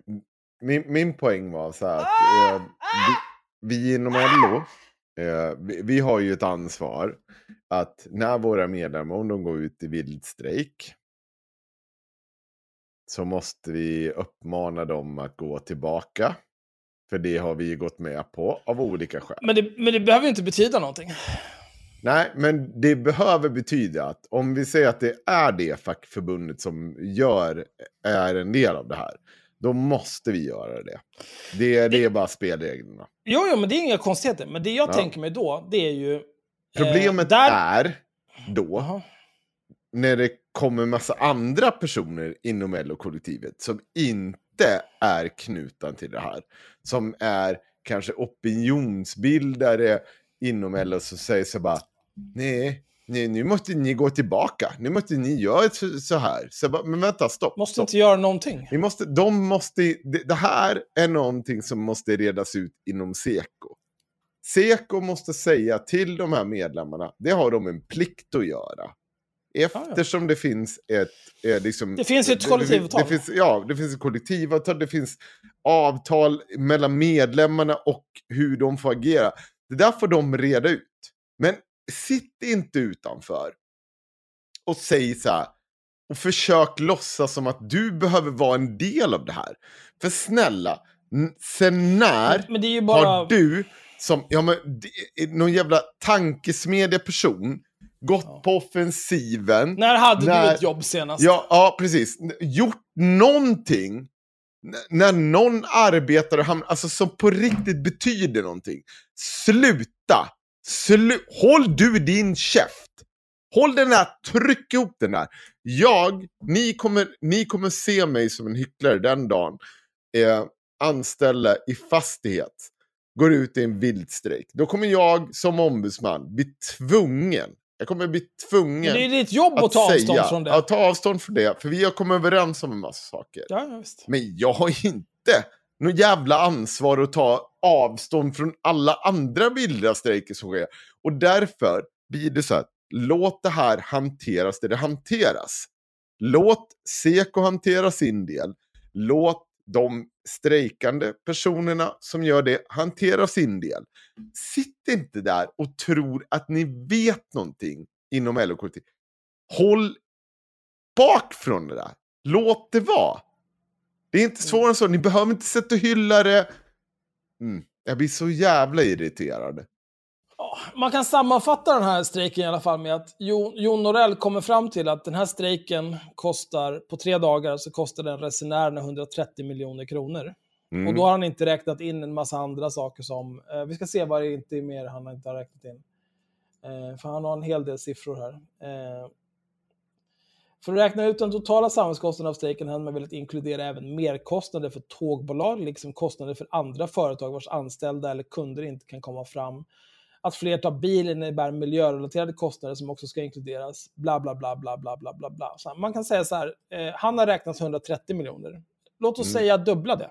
260 Men- miljoner. Ja. Ja. Jo, nej!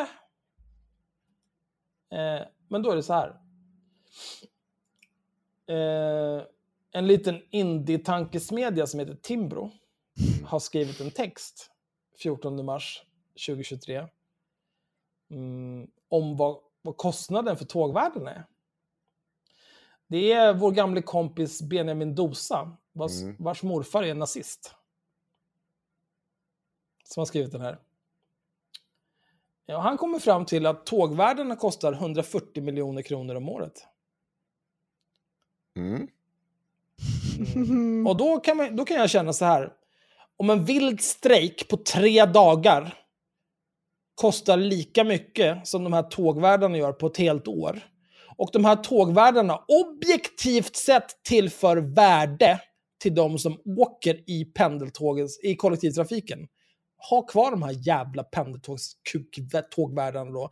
Avskaffa Timbro och alla jävla proffstyckare istället.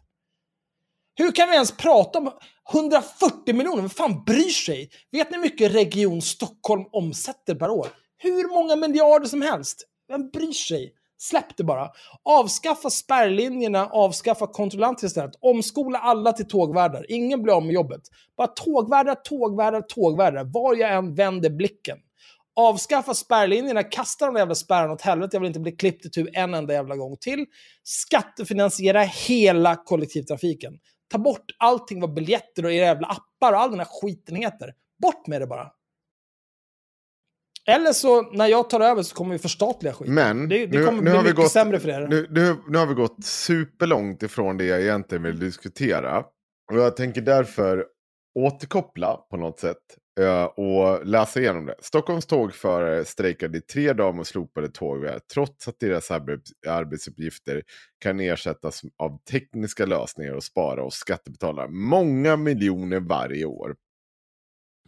Pendeltågkaos har drabbat 460 000 resenärer som försökte ta sig till jobbet. Kostnaden för skattebetalarna var för strejken landade på över 330 miljoner kronor på bara tre dagar. Strejken var vild, det vill säga inte sanktionerad av facket och har kritiserats även från vänster. Det här är intressant för att ändå så har ju tågbolaget eh, ställ, stämt eh, facket. De har stämt, fack, de, stäm, de Ja. har stämt enskilda eh, lokförare Ja. på 6 000 kronor var. Eh, Och facket på 100 000. Ja, men de la ner det där med facket efter ett par timmar bara. Jaha, okej. För att de insåg att så här, nej, det här går ju inte. För att Nej. facket har ju inte tagit ställning för Nej. de som gör den här vilda Nej. strejken. Så det finns ingen anledning att stämma dem, det är bara efterblivet. Men de har stämt eh, de som strejkar på 6 000 kronor var. Eh, gängse Mm. belopp ska vara 3 000, men de menar att så här, ja, det, det där är inte... Det är ett omodernt belopp och så vidare. och så vidare. De försöker bara fitta sig. Mm. Men å andra sidan så har ju den här strejkkassan är ju på över 1,2 miljoner senast jag kollade. Ja, det- det kommer dagar lösa sig. De, Det de, kommer det, det kommer inte spela någon roll det Nej. där, det är inga problem. Så här, därför behöver regeringen införa en proportion, proportionalitetsprincip. Svenska fackförbund har idag, till skillnad från danska och tyska, nästan obegränsade möjligheter till stridsåtgärder, eh, såsom strejk. Det vill säga, Vad är alternativet? Ja, det är det här som är problemet. Alltså vi kan... Jag, Ska jag- det komma jag- folk hem till kunna- dig und- och tvinga dig att gå till jobbet under pistolhot eller? Ja, det- Va- för- vad ska det annars vara? är- Jag tänker inte jobba, vad ska du göra? Sug min kuk! För det är det här som är det enda som finns. Folk slu- vi måste sluta låtsas som att det finns så här. Så jävla Ja, dumt. men vi kan ha, Åh, inte strejk, men vi kan ha, du tycker att det här är en jobbig grej, men du går till jobb ändå. nej, men jag gör det inte. Nej. Testa att knulla dig Nej, själv. nej, men för det är inte det jag ja, jo, jag förstår. Men vi, jag, jag, för lyssnarens skull, så bara för att vara övertydlig. Vad har vi Nej. som vapen mot arbetsgivare? Ja, det är att inte gå till jobbet. Det vill säga att arbetsgivaren inte kan tjäna pengar på det de kan göra. Om, om, vi, om det fanns någonting mellan strejk och inte det här, vad kan det vara då? Förhandling? Ja, det finns ju typ att inte jobba övertid. Jo, men det är ju ändå Ja. så här, du, jobbar ju ändå, alltså förhandling, då är det ju ändå typ så här, men vi fortsätter Nej, jobba, nej, men nej vi, vi, skit, i förhandlingen. Utan, alltså, vad, vad, vad har vi för åtgärder mot en arbetsgivare som gör att men, den inte men kan... det är också så här, ingen ska väl jobba övertid ändå. Målet är, på en arbetsplats är väl att ingen ska jobba övertid, eller? Ja, så kan det vara. Men, men det är ju fortfarande... Det, det, om, om, har du något bättre förslag till mig nu? Som om vi inte går direkt Alltså allt, strejk, allting handlar ju om olika grader strejk. av att inte jobba. Det är ju det enda precis. man som det, arbetstagare det, det har. är det enda arbetstagaren har. Det, är, alltså, det här är objektivt en Vi kan inte låtsas som att det här inte är en grej. Att ja, nej, men det finns också att vi kan slå vårt trollspö i luften och så händer det andra saker. Nej, Ja, det men är, det är inte här- en sak som kommer ske. Jag kommer utan- fortsätta jobba, men jag kommer Ja. inte sätta på kaffemaskinen när jag kommer in. Så, Ja, okej. ja, jo. I ett däck. Det kommer inte hända något. Så problemet är ju här, när det här börjar eh, diskuteras, det är ju för att arbetsgivaren inser än en gång att trots alla andra vinster vi har i, i form av hur vi får agera när någon blir uppsagd eller vem som får avsluta ett företag. Så här, det här handlar ju om att få total kontroll över arbetsmarknaden och vem som ska ha total kontroll över arbetsmarknaden. Och det är inte facket, det är inte arbetarna, arbetsgivaren. Och det är det Johan Persson vill ha när han skriver den här texten. Jon Han Persson. vill- Jon, vem? vem är Jon Persson? Johan Persson. Ja, Johan Persson! Liberalernas kuck till Ja. partiledare. Jo.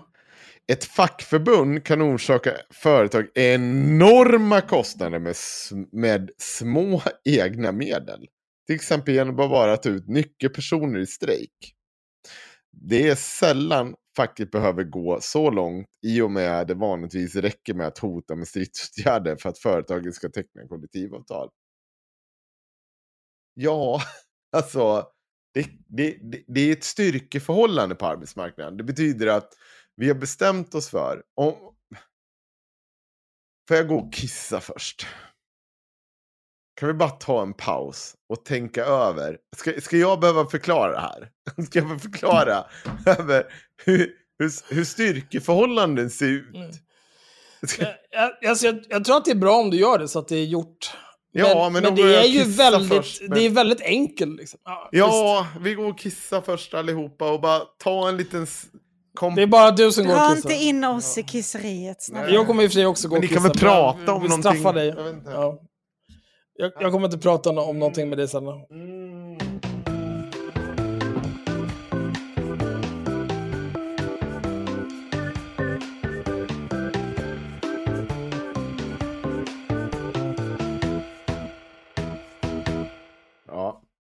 Så, var var vi någonstans? Vi var i diskussionen.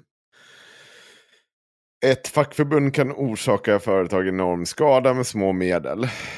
Hej och hå. Allting kan gå i tu, men ett Men det, företag kan, gå, i tusen, bitar.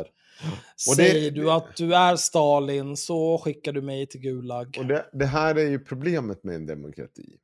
Det är att vi kan bestämma olika typer av saker och hur vi styr en demokrati och hur vi styr även den individuella friheten i en demokrati, företagen i en demokrati, eller har rätten att påverka företagen och hur de företagen verkar i en demokrati. För det här är problemet för Timbro. Det är den här individuella friheten. Den är alltid till den gränsen där den individuella friheten går ihop kollektivt och tycker att du som individ har inte rätt att göra så här. Då ska individen ha större rätt än den, vad kollektivet säger. Och det här kan man också såklart ha åsikter om när det går över en gräns, när kollektivet säger att vi har övertag här, vi, vi tycker och si och vi, vi, vi bestämmer det här, fast det egentligen är någon typ av diktatur. Men, men det, vi lever inte under en diktatur i Sverige. Vi lever under demokratiska spelregler. Vi har rätt att göra så här. Detsamma gäller i Norge, Norden och i många andra europeiska länder, USA och, och, och hit och dit. Sorry, men det här är spelreglerna som ni sätter upp. Ni på Timbro. Problemet är att ni låtsas om någonting annat. Och den här texten fortsätter. Ett skäl till att företagen väljer att skriva under kollektivavtal är fredsplikten. Ja, såklart. Ja, det är klart det är det. Så att då slipper man bråka om det. Och det är också ett utbyte mot facken. Att ja, vi, vi går med på det här för att det blev så här för att hålla ordning på arbetsmarknaden. Det är förbjudet för fackförbund att vidta stridsåtgärder mot innehållet i ett gällande kollektivavtal. Men varför pratar han ens om fackförbund när det är en vild strejk? Ja. Och i praktiken går företag med på fackens krav för att inte riskera att produktion läggs ner. Ja, för att det, det är liksom det som är... Alltså det är som att du sitter i... Det är så konstig sak att om du pratar om en fri marknad, om du pratar om rätten till förhandling mellan olika företag, så helt plötsligt, det, de reglerna gäller inte i en förhandling när när det gäller arbetskraft. Då, de, nej, ska de värdera sig själva? Ska de tycka saker om sitt eget arbete? Nej, jag har då aldrig.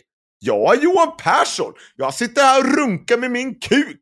För att det tycker jag är kul att göra. För jag har ju bara jobbat med politik här i 40 år och fattar fortfarande inte skillnad på de här olika sakerna. För jag är uppenbart... En väldigt lång, Ja, lång nej, och inte. smal Ja. kuk va? Jo, men jag kan tänka mig att Johan Persson, han, ser, han är stor kille, han har mycket kuk. Det, liksom, det spelar väl ingen roll, jag behöver inte förminska hans kuk. Han har en jättebra kuk här. Det drar Ja. sig mycket kuk Toppen. här. Men han är fortfarande efterbliven. Det var inte det jag hade. Ja. Jag tar avstånd. ja. Jag vill aldrig mer ha med Johan Perssons kuk att göra. Men det gäller inte om fackförbunden vidtar åtgärder i sympati med ett annat förbund i en annan konflikt. En arbetsgivare som följer regler och kollektivavtal, kollektivavtal kan därför bli utsatt för stridsåtgärder ändå. Ja, wow. Kan de det? Det är inte riktigt sant. För att det handlar ju om arbetsgivare som inte tecknar kollektivavtal, Johan Persson. Ja, Men, Och så kan... Johan, ja. alltså, så här, Johan Persson är en gycklare. Ja, Han är partiledare för ett parti som, eh, om det var val idag, inte skulle komma in i riksdagen. men han har en stor kuk. Lång, kraftig och Ja, tung. jag Från en stopp till jag dess rot var viftar. en tre, fyra fot samt en medelstor riksdag. Det pungar, rungar, Mm. rungar, rungar. Kostnaden för den här ordningen bärs av hela samhället. Facklig makt driver upp ingångslönerna, vilket leder till högre arbetslöshet. Mm. Det hör ni. Mm. Får ni bättre lön så får Eller ni vänta, högre ta det där en gång till. Kostnaden för den ordningen bärs av hela samhället. Facklig makt drivs upp, driver upp ingångslönerna, vilket leder till högre arbetslöshet. Det tror jag inte. Nej, inte jag heller. Den tekniska... det här är lite grann som Magnus Norman han såhär, ja nej, kollektivavtalet har gjort att jag tjänar mindre än vad jag skulle Ja. ha gjort annars. Han skrev det igen sen också. Och så var så bara, jag, jag pratar inte om någonting skäligt, om, eller att det här råkar diskuteras i ett poddavsnitt. Men nu helt plötsligt så vill jag diskutera det en gång till. Men ja, fortsätt. Men, men liksom vad... Nej, nej jag, jag vet inte, hur går det till? Om, ah, så här, som jag sa förut när jag pratade om det här, om du jobbar med data. Jag tror ju att jag är ganska, ganska high på vad för typ av data Magnus Norman, vars barn skäms över honom, jobbar med. Det är typ samma data som jag har jobbat med i tio år.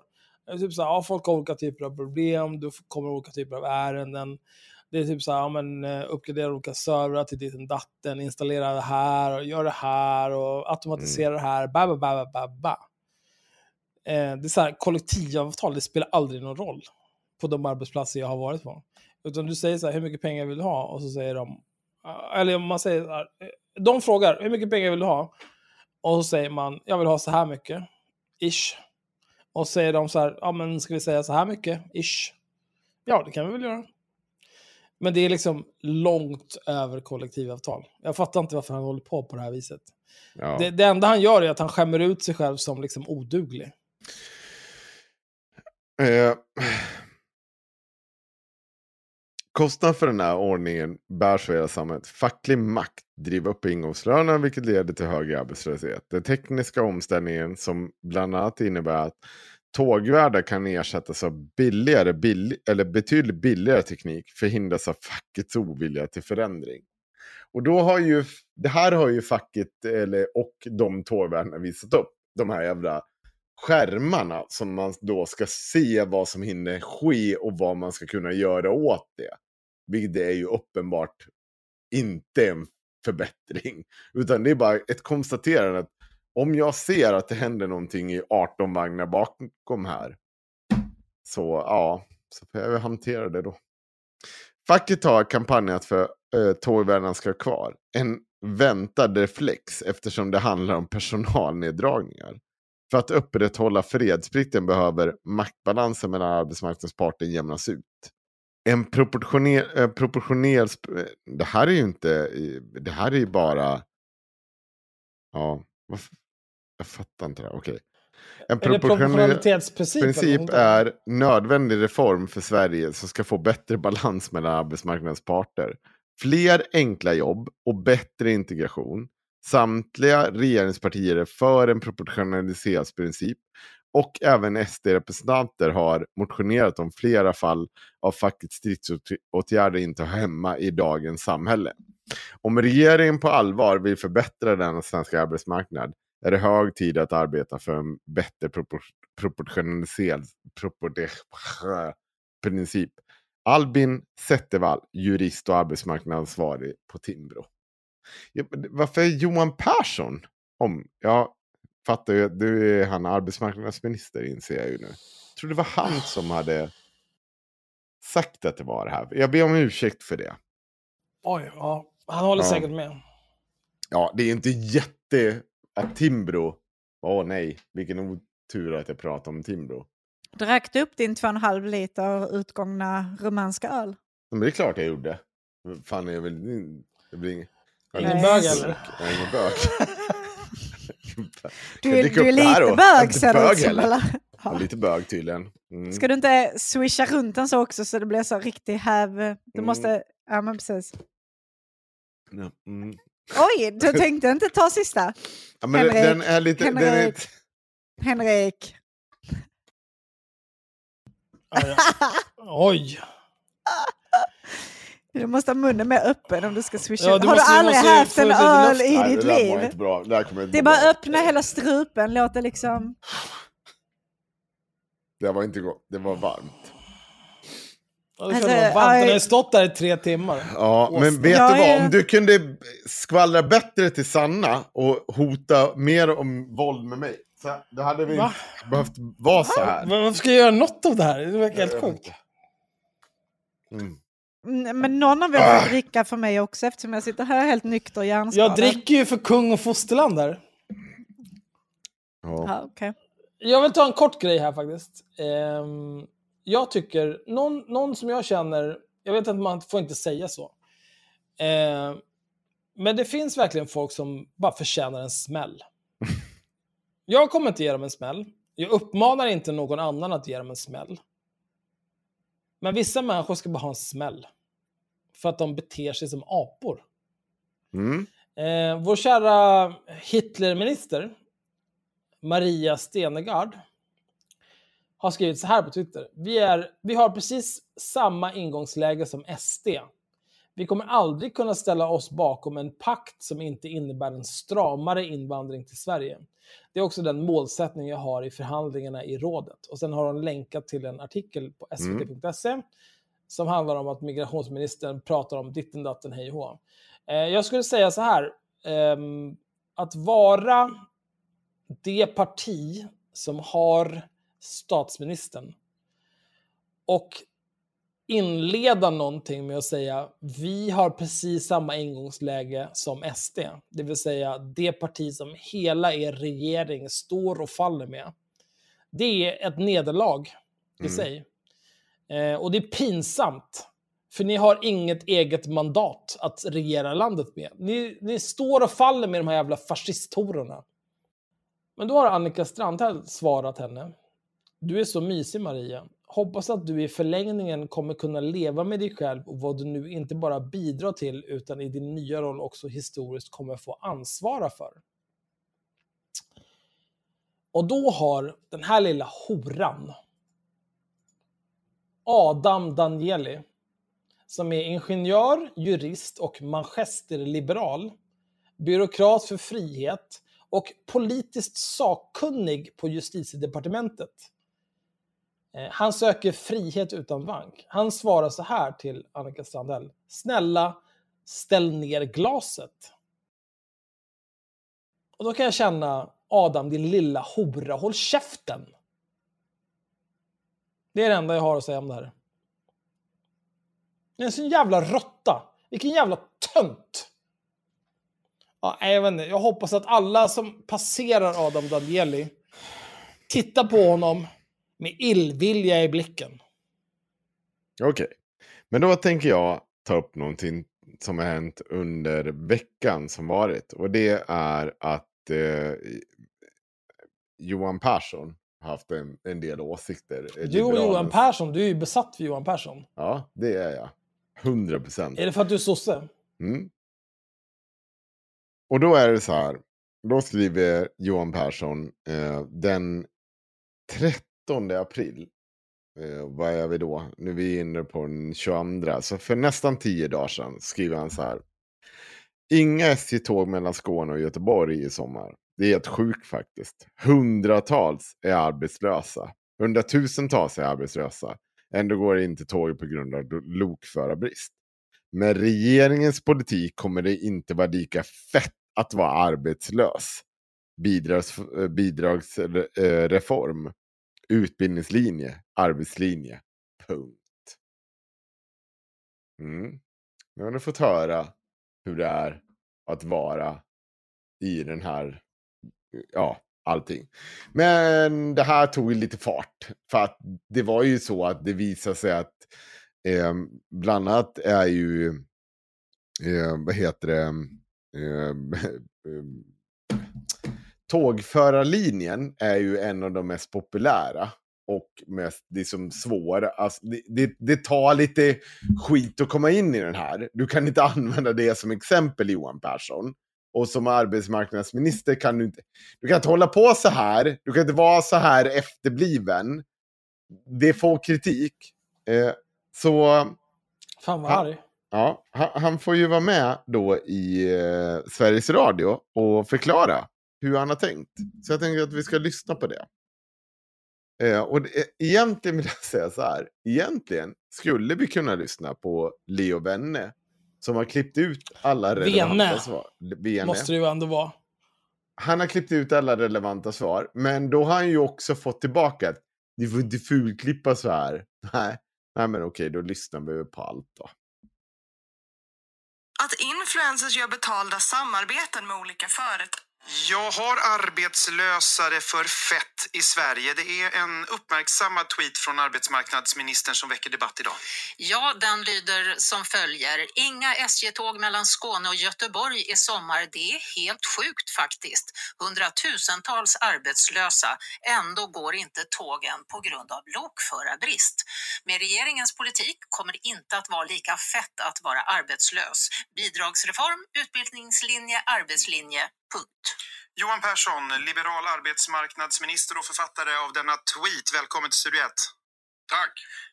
Du får börja med att beskriva vad du menar. Hur fett har arbetslösare i Sverige idag, som du skrev?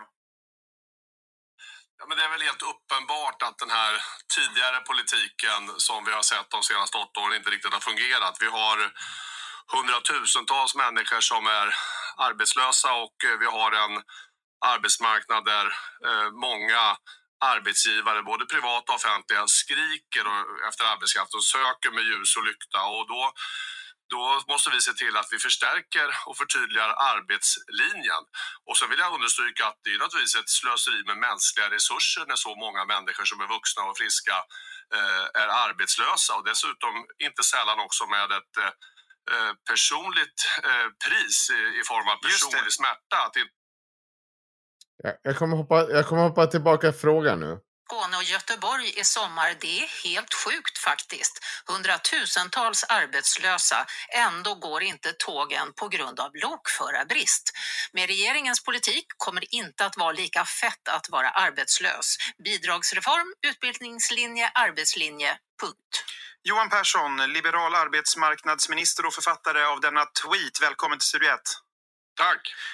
Du får börja med att beskriva vad du menar. Hur fett har arbetslösare i Sverige idag, som du skrev? Alltså han, han håller på så här fram och tillbaka. Men grejen är så här. Eh, lokförarutbildningen är liksom ett och ett halvt år. Ja. Typ. Det, det är en riktig utbildning. Det är inte bara så som Fredrik Kopsch på Timbro trodde så här, jag kan, jag, kan, jag kan gå bredvid någon i två veckor och sen så kan jag här, kör jag tåget själv. Det är klart att det är supermånga grejer du måste ha koll på. Det är så jävla dumt att låtsas som att så här, du kan köra, du kan liksom, du, du bestämmer hastigheten på hundratals jävla ton stål som färdas rakt fram. Jag vet inte, jag vet inte hur snabbt pendeltågen färdas, men det känns som att över 100 km i timmen är inte orimligt. 1800 människor.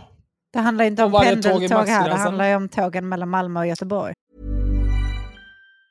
Ever catch yourself eating the same flavorless dinner three days in a row? Dreaming of something better? Well, HelloFresh is your guilt-free dream come true, baby. It's me, Gigi Palmer. Let's wake up those taste buds with hot, juicy pecan-crusted chicken or garlic butter shrimp scampi. Mm. Hello Fresh. Stop dreaming of all the delicious possibilities and dig in at HelloFresh.com. Let's get this dinner party started. Planning for your next trip? Elevate your travel style with Quince. Quince has all the jet setting essentials you'll want for your next getaway, like European linen, premium luggage options, buttery soft Italian leather bags, and so much more. And is all priced at 50 to 80% less than similar brands. Plus, Quince only works with factories that use safe and ethical manufacturing practices. Pack your bags with high-quality essentials you'll be wearing for vacations to come with Quince. Go to quince.com slash pack for free shipping and 365-day returns. Ja, så typ 200. Ja. Ja, Eller de alltså, går ja, fort. de går snabbare än pendeltåg. Tågen går fort, det är många människor på, det är mycket ansvar, vad som helst kan hända. Du kan inte, som de här nya, det gör mig så jävla ledsen. Eh, Douglas Thor, som är ordförande för eh, Moderata ungdomsförbundet. Eh, jag och han spelade World of Warcraft tillsammans. Några korta veckor. Han var en väldigt dålig restodruid. Jag var en väldigt bra Retri Paladin. Det är så det det säger. Äsch. Eh, men det gör mig ledsen att höra att han nu har propagerat för att så här, förarlösa tåg. För liksom, man neggar. Det funkar liksom inte.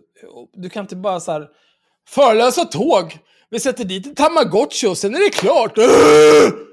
Du, du, liksom, du framstår som utvecklingsstörd när du säger såna här saker. För det är liksom... Eh, det var ju någon pantad högerpolitiker som bara sa ja de här science fiction-tågen som går i 250-300 km i timmen. urr, Som finns, har funnits i eh, Sydostasien i hur många årtionden som helst. Det går att bygga här också. Men man måste investera i tågbanan. Mm. Om vi bara skiter i allting och så här, men låt allting bara förfalla. Och sen ska vi försöka ha så här, men nu har vi förarlösa tåg här, det är inga problem. Och sen så säger, ja, det, det är tusentals passagerare på det här tåget, det är mass, tusentals ton jävla last. Hur ska en AI kunna hantera allt det? Det måste finnas människor där som kan reda ut det som vi har sett de senaste åtta öker med ljus och lykta. Och då, då måste vi se till att vi förstärker och förtydligar arbetslinjen. Och så vill jag understryka att det är naturligtvis ett slöseri med mänskliga resurser när så många människor som är vuxna och friska eh, är arbetslösa. Och dessutom inte sällan också med ett eh, eh, personligt eh, pris i, i form av personlig smärta att inte komma eh, Och det där, Johan Persson, det är, ju, det där är ju numerären, hur många som är arbetslösa. Men på vilket sätt har de det fett, eller bra, som du ändå skrev här i din tweet? Jag tycker att vi behöver förstärka kontrollerna i a-kassan. Vi behöver förstärka kontrollerna hur eh, man följer upp hos Arbetsförmedlingen att människor eh, tar tag i de utbildningar som finns eh, och att de anvisas på ett korrekt sätt. Att man tar de jobb som finns och att man också är beredd att flytta till de jobb som finns. Vi kan inte ha eh, flera hundratusen som är arbetslösa samtidigt som vi har flera hundratusen människor som behöver jag- jag- komma i jobb. mig, vi men klarar inte, väl, vi kommer inte Kan du klara välfärden. Alltså jag tror inte att det finns, jag, jag tror inte att det är hundratusentals människor som är en flytt till en annan ort ifrån att få ett jobb. Nej, jag tror Det inte. känns, det känns osannolikt. Nej, för- Men för var ska de bo när de flyttar? Ja, Det är så och himla ska det här många bostäder över. Och hur ska det här Var är de här, var är alla de här jobben någonstans? Ja.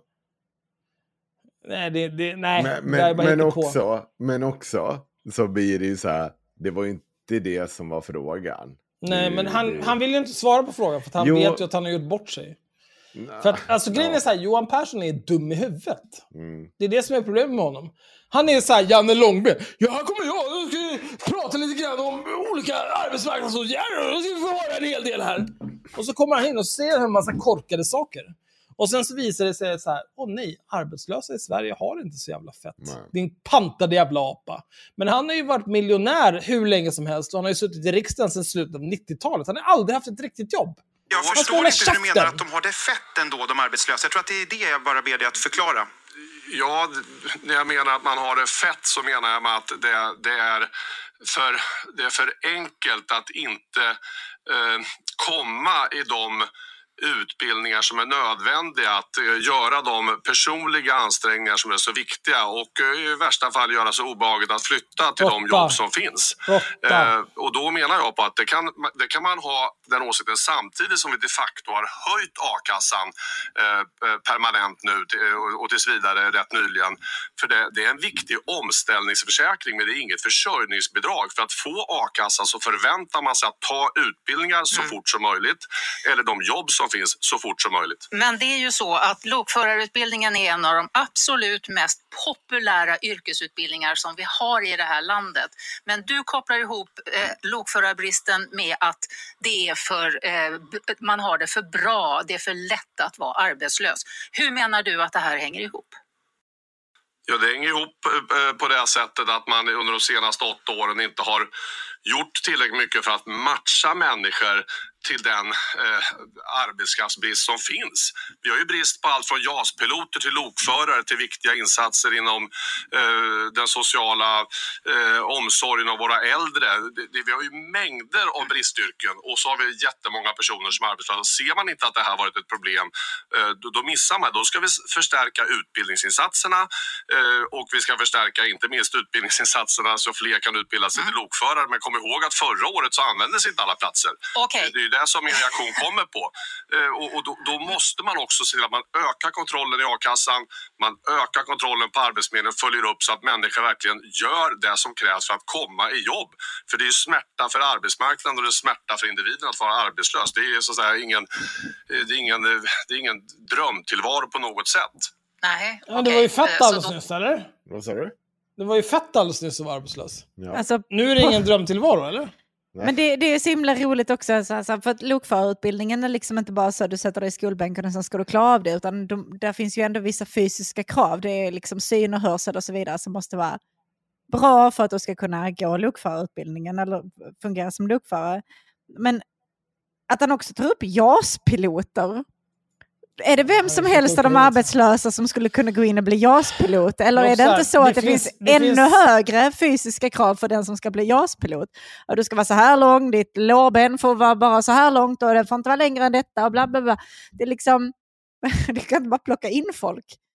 Jaha, du var arbetslös, eh, men vi behöver JAS-piloter. Så Jag, tack. jag kan ju lova att det är kö till att bli JAS-pilot. Så då är det inte så fett kanske då. Men, men, Ja, men, eh, ja, men får, får jag, den arbetslinje som Liberalerna står för och den utbildningslinje som Liberalerna står för, det är den vägen vi ska ha om vi ska kunna säkra välfärden på lång sikt i skolan och inom äldreomsorgen och sjukvården. Och då måste man se till att personer eh, som är i arbetslöshet snabbt kommer i jobb, snabbt har de utbildningar som finns.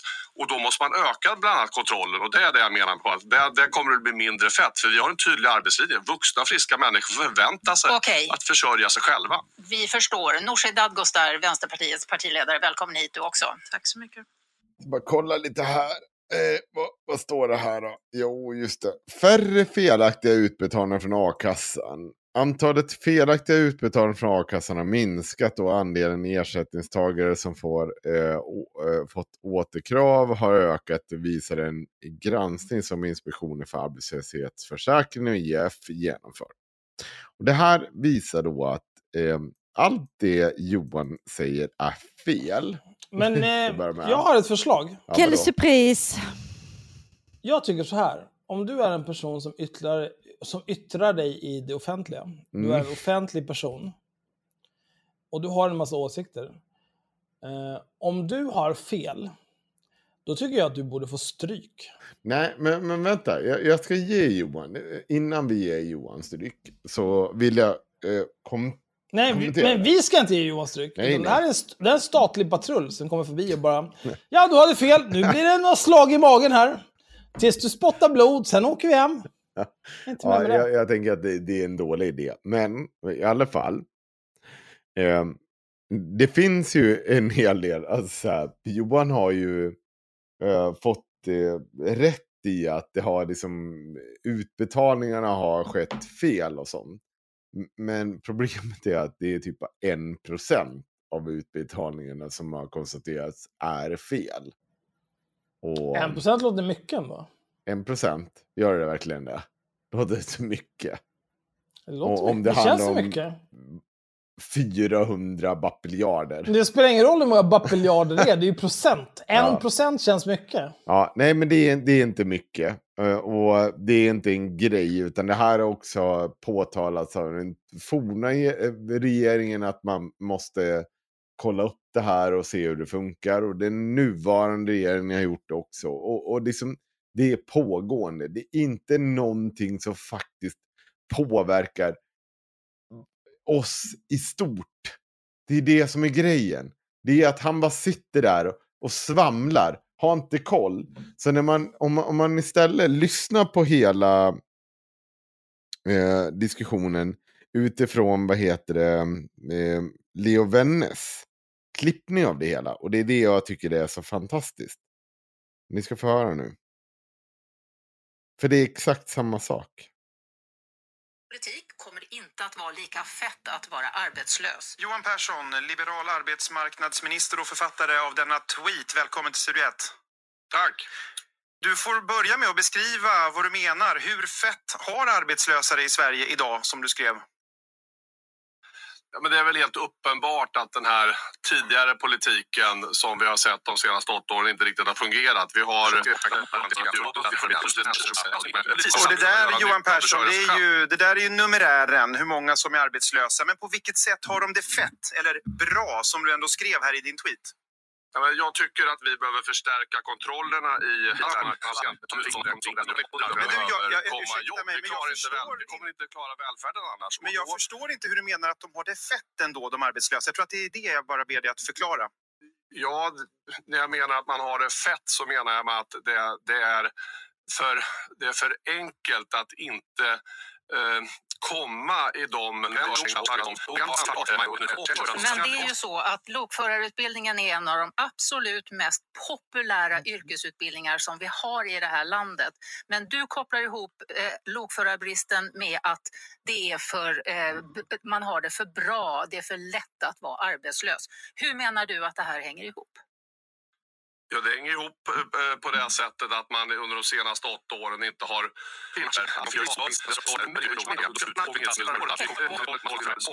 Det är ingen, det är ingen drömtillvaro på något sätt. Nej, okej. Eh, Så då är det inte så fett kanske då. Men, men, Ja, men, eh, ja, men får, får jag Okej. att försörja sig själva? vi förstår. Med regeringens politik kommer det inte att... Ja. Tyckte ni menar, att... han, är en, han är värdelös. Nu, nu lyssnade vi ju faktiskt på hela inslaget. Från början till slut. Först. Hade Leo fulklippt det här? Nej. Nej, alltså Johan Nej, Persson inte är huvudrunge. överhuvudtaget. Han är Ja. sämst. Ja, han, Sämst det, på alla det, är ju- sätt det och är vis. exakt det här. Alltså, så här, Han, det- han är en liberal svammelpåse. Ja. Han, är- han, alltså han är typ 80 i IQ på sin höjd. Han är så jävla dum och värdelös. Allting han säger är skit. Hela hans parti borde brännas till grunden. Det är så jävla dåligt. Det är helt otroligt. Alltså, jag, I och för sig, jag är positiv till det här. Jag tycker det är bra att de gick från äckliga jävla Nyamko till den här dumma apan.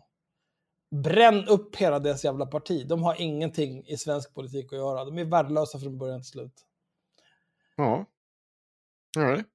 Men där är vi nu. Vad ska det betyda? Jag, jag vet inte. Uh, klockan, hur, hur länge har vi spelat in egentligen? Lagom länge. Lagom länge. Har vi något mer att säga om allt det här? Jag har en grej faktiskt. Ja. Eh, den går ganska snabbt. Ja. Eh, en sak som jag tycker är ganska äcklig, det är typ så här eh, horporr. Horporr. Ja, nu väl, jag väljer att kalla det horporr här nu. Mhm. Eh, och det finns vissa människor på Instagram eh, som ägnar sig väldigt mycket åt horporr.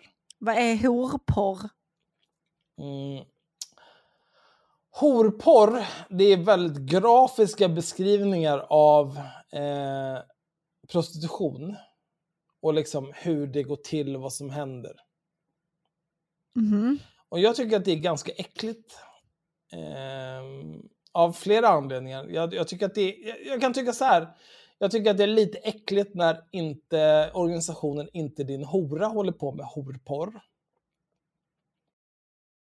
När de håller på och kör väldigt så här, grafiska beskrivningar av eh, hur prostitution kan gå till. För att jag förstår inte, vad, vad är poängen med det här? Eh, och i kommentarerna så brukar det oftast bara vara typ mammisar som förfäras. Och det leder liksom inte till någonting. Jag förstår inte vad det är bra för. Det, är liksom, det, det blir ingen diskussion av det eller någonting. Utan det är bara typ så här. Det här superäckliga skedde. Bara, okej. okej. Cool bra. Och sen så finns det andra som till exempel polisen och författaren Simon Häggström. Som också ägnar sig väldigt mycket åt eh, horporr. Han skriver så här. Fantasin tar aldrig slut när det gäller sexköparnas märkliga bortförklaringar. I det här fallet menade mannen att han bara träffat kvinnan för att prata om sin psykiska ohälsa.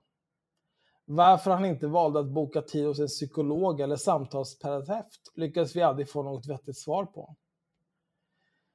Det var sent på natten och jag var förstörd, hade suttit hemma och gråtit och kände mig ensam. Jag behövde någon att lätta mitt hjärta till. Jag har försökt prata om psykisk ohälsa med mina nära och kära. Jag klarar inte av att sitta ensam för självmordstankarna började komma. Jag visste inte vem jag skulle höra av mig till. Jag har sökt efter eskort.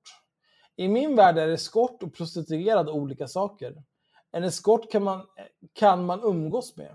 Jag behövde någon att prata med. Eh, Det finns linjer man kan ringa för sånt. Ja, men då har han också hashtaggat det här med hashtag människohandel, hashtag trafficking, hashtag sexköp, hashtag prostitution, hashtag sexköpslagen. Någonting som slog mig med den här, det är att så här, jag, jag är ju mycket för att tolka folk välvilligt. Ni som känner mig väl, ni vet ju att jag tänker alltid så här, vad är det absolut bästa som kan ha hänt här? Mm. Nej, Okej. Du säger det, men... Mm. Mm. Mm. Men här är det någon som de, jag antar att de har eh, gripit misstänkt för sexköp. Som kör hela den här grejen. Ehm, dels så här, jag tycker att det är... Jag tycker att det är konstigt för att det här, liksom, hela den här sista delen så här, det var sent på natten och jag var förstörd, bla bla bla bla bla. Eh, det är inom citationstecken. Så att jag vet inte om man ska tänka sig att allt det här är ett citat från någon torsk som han har gripit. Eller om det är ett citat från en av karaktärerna i hans nya bok. Om prostitution. Han skriver ju om prostitution också. E, eller vad det är som händer. Så här, jag har ingen aning. Eh, men, men det stora problemet här är att eh, för mig så känner jag så här. Om jag är den absolut mest välvilliga personen jag någonsin kan vara. Ingenstans i den här texten ser jag att den som citeras har begått någon typ av brott eller gjort någonting fel. Det enda jag ser här det är, det är någon som försöker förklara varför han är i samma rum som en prostituerad. Jag ser ingenting om så här, ja men, uh, but, but she caught me on camera, it wasn't me. Inget sånt. Utan det är bara så här, ja men här är en berättelse om att jag inte har eh, haft sex med en prostituerad och att jag inte har köpt sex. Ja, nej, jag vet inte. Jag ser ingenting som motsäger det. Förutom det som eh, Simon Häggström skriver här överst. Fantasin tar aldrig slut när det gäller sexköparnas märkliga bortförklaring. Jag tycker inte att det här är en märklig bortförklaring. Det är någon som mår skitdåligt och där och då kände så här, jag behöver någon att prata med här och nu. Eh, jag tror att det är lättare att få tag på en eskort eller en prostituerad än en psykolog. Eller man kan ju nu med eh, typ Mindler och Kry och alla de här mongotjänsterna går det säkert också. Men jag vet inte, jag, jag, tycker att det här är, jag kan också tänka mig att det här mycket väl kan bara vara en torsk som försöker svära sig fri från det där. Men jag tycker att det här är så sinnessjukt jävla dåligt exempel. Men det alltså, måste detta, finnas måste bättre ju, exempel. detta måste ju ha kommit i så fall från någon som faktiskt har blivit påkommen med att ha köpt sex. Men att han sen har försökt bortförklara det så här. Hur ska vi kunna veta det? Nej, det vet jag inte hur vi ska kunna veta det. För att det då, men jag fattar inte heller vad detta har med horporr att göra. För jag tyckte inte det var en särskilt ingående Nej, för och att det här äcklig är- beskrivning av någon som har köpt sex. Det här är ju någonting som Simon Häggström har postat på sin Instagram tillsammans med en bild på en man som sitter så här. Eh, och det, det, det är det jag menar med horporr. Det är den här typen av berättelse tillsammans med någon så här bild med någon som mår dåligt och hatar sitt liv. Eh, och gärna något självförhärligande, som Simon Häggström ofta skriver. Eh, eftersom han jobbar ju med de här typen av saker. Så här, ja, men jag är här ute, jag eh, bekämpar trafficking och prostitution. Bla, bla, bla. Ja, okej, det är bra. Men liksom, det här är horporr. Och det är samma sak som eh, eh, Inte din hora ägnar sig åt. Det är horporr. De skriver om så här alla hemska saker som olika torskar har utsatt olika eh, prostituerade kvinnor för, fram och tillbaka, bla bla bla. Så här. Men gå i terapi. Det här är liksom ingenting som måste kräkas ut inför världen för att samla likes, för att det är samma... För, när jag, de människorna som håller på med det här, jag tycker att det, det är i princip samma sak. Alltså antingen så horar du för likes, eller så sitter du på Instagram för likes. Fan, gör någonting annat. Gör någonting som spelar roll. Håll inte på och upprepa de här jävla prostitutionsberättelserna på det här sinnessjuka sättet och vältra er i det här skräpet. Gör vettiga saker. Det kan jag känna väldigt ofta när jag ser det här. Och Simon Häggström, hela hans, hela hans kändisskap och hela hans grej handlar ju om att han är polis som jobbar med prostitution och han skriver böcker om prostitution. Jag, inte, jag tycker att det är osmakligt på något vis. Eller? Mm. Ja, ja. Att skriva om prostitution. Nej, Nej, det beror på hur man skriver om nej, det också. Ja. Eh, eh, alltså om det var så här att han, eh, så här, okej men jag är polis, men nu väljer jag att utbilda mig till någonting så här, eh, eh, en rimlig utbildning för att forska om det här. Och sen så skriver jag om eh, vetenskapliga artiklar eller jag författar studier kring hur det här fungerar. Men det gör han ju inte, utan han skriver ju liksom horlitteratur. Han skriver ju vanlig fiction liksom. Jag fattar inte. Det, det bidrar ju inte till forskningsläget direkt. Nej, Men, men han blir säkert rik på det. men det gör ju Instagram sällan. Ja, det är sant. Om det inte är ens egna empiriska upplevelser. Nej, det, det, jag tycker bara att det är konstigt. Eller vad fan det var. Jag, jag, överlag så hatar jag också det här med att poliser i sin yrkes... Alltså att de kan använda sin yrkesroll för att säga jag gör också det här helt sjukt äckliga. Varför gör du det? Jag förstår varför inte mark- varför det är sjukt äckligt. Jag... Han blir ju miljonär på att skriva böcker om hor baserat på den typen av hor han ser i sin yrkesroll som polis. Jag tycker att det är äckligt. Ja. Jag, eh, jag är okej med att han gör det på så vis, men jag, jag tycker att det är äckligt att det är så många som ser honom som någon slags så här hjälte. Som såhär, oh wow, du är så himla duktig som gör det här. Den, den här typen av poliser, vet du vad de gör? De står och lyssnar utanför dörren. Så här, ja, det låter som att det knullas här inne. Bra, då har vi anledning att ingripa. För att annars kan de inte göra ett jävla skit.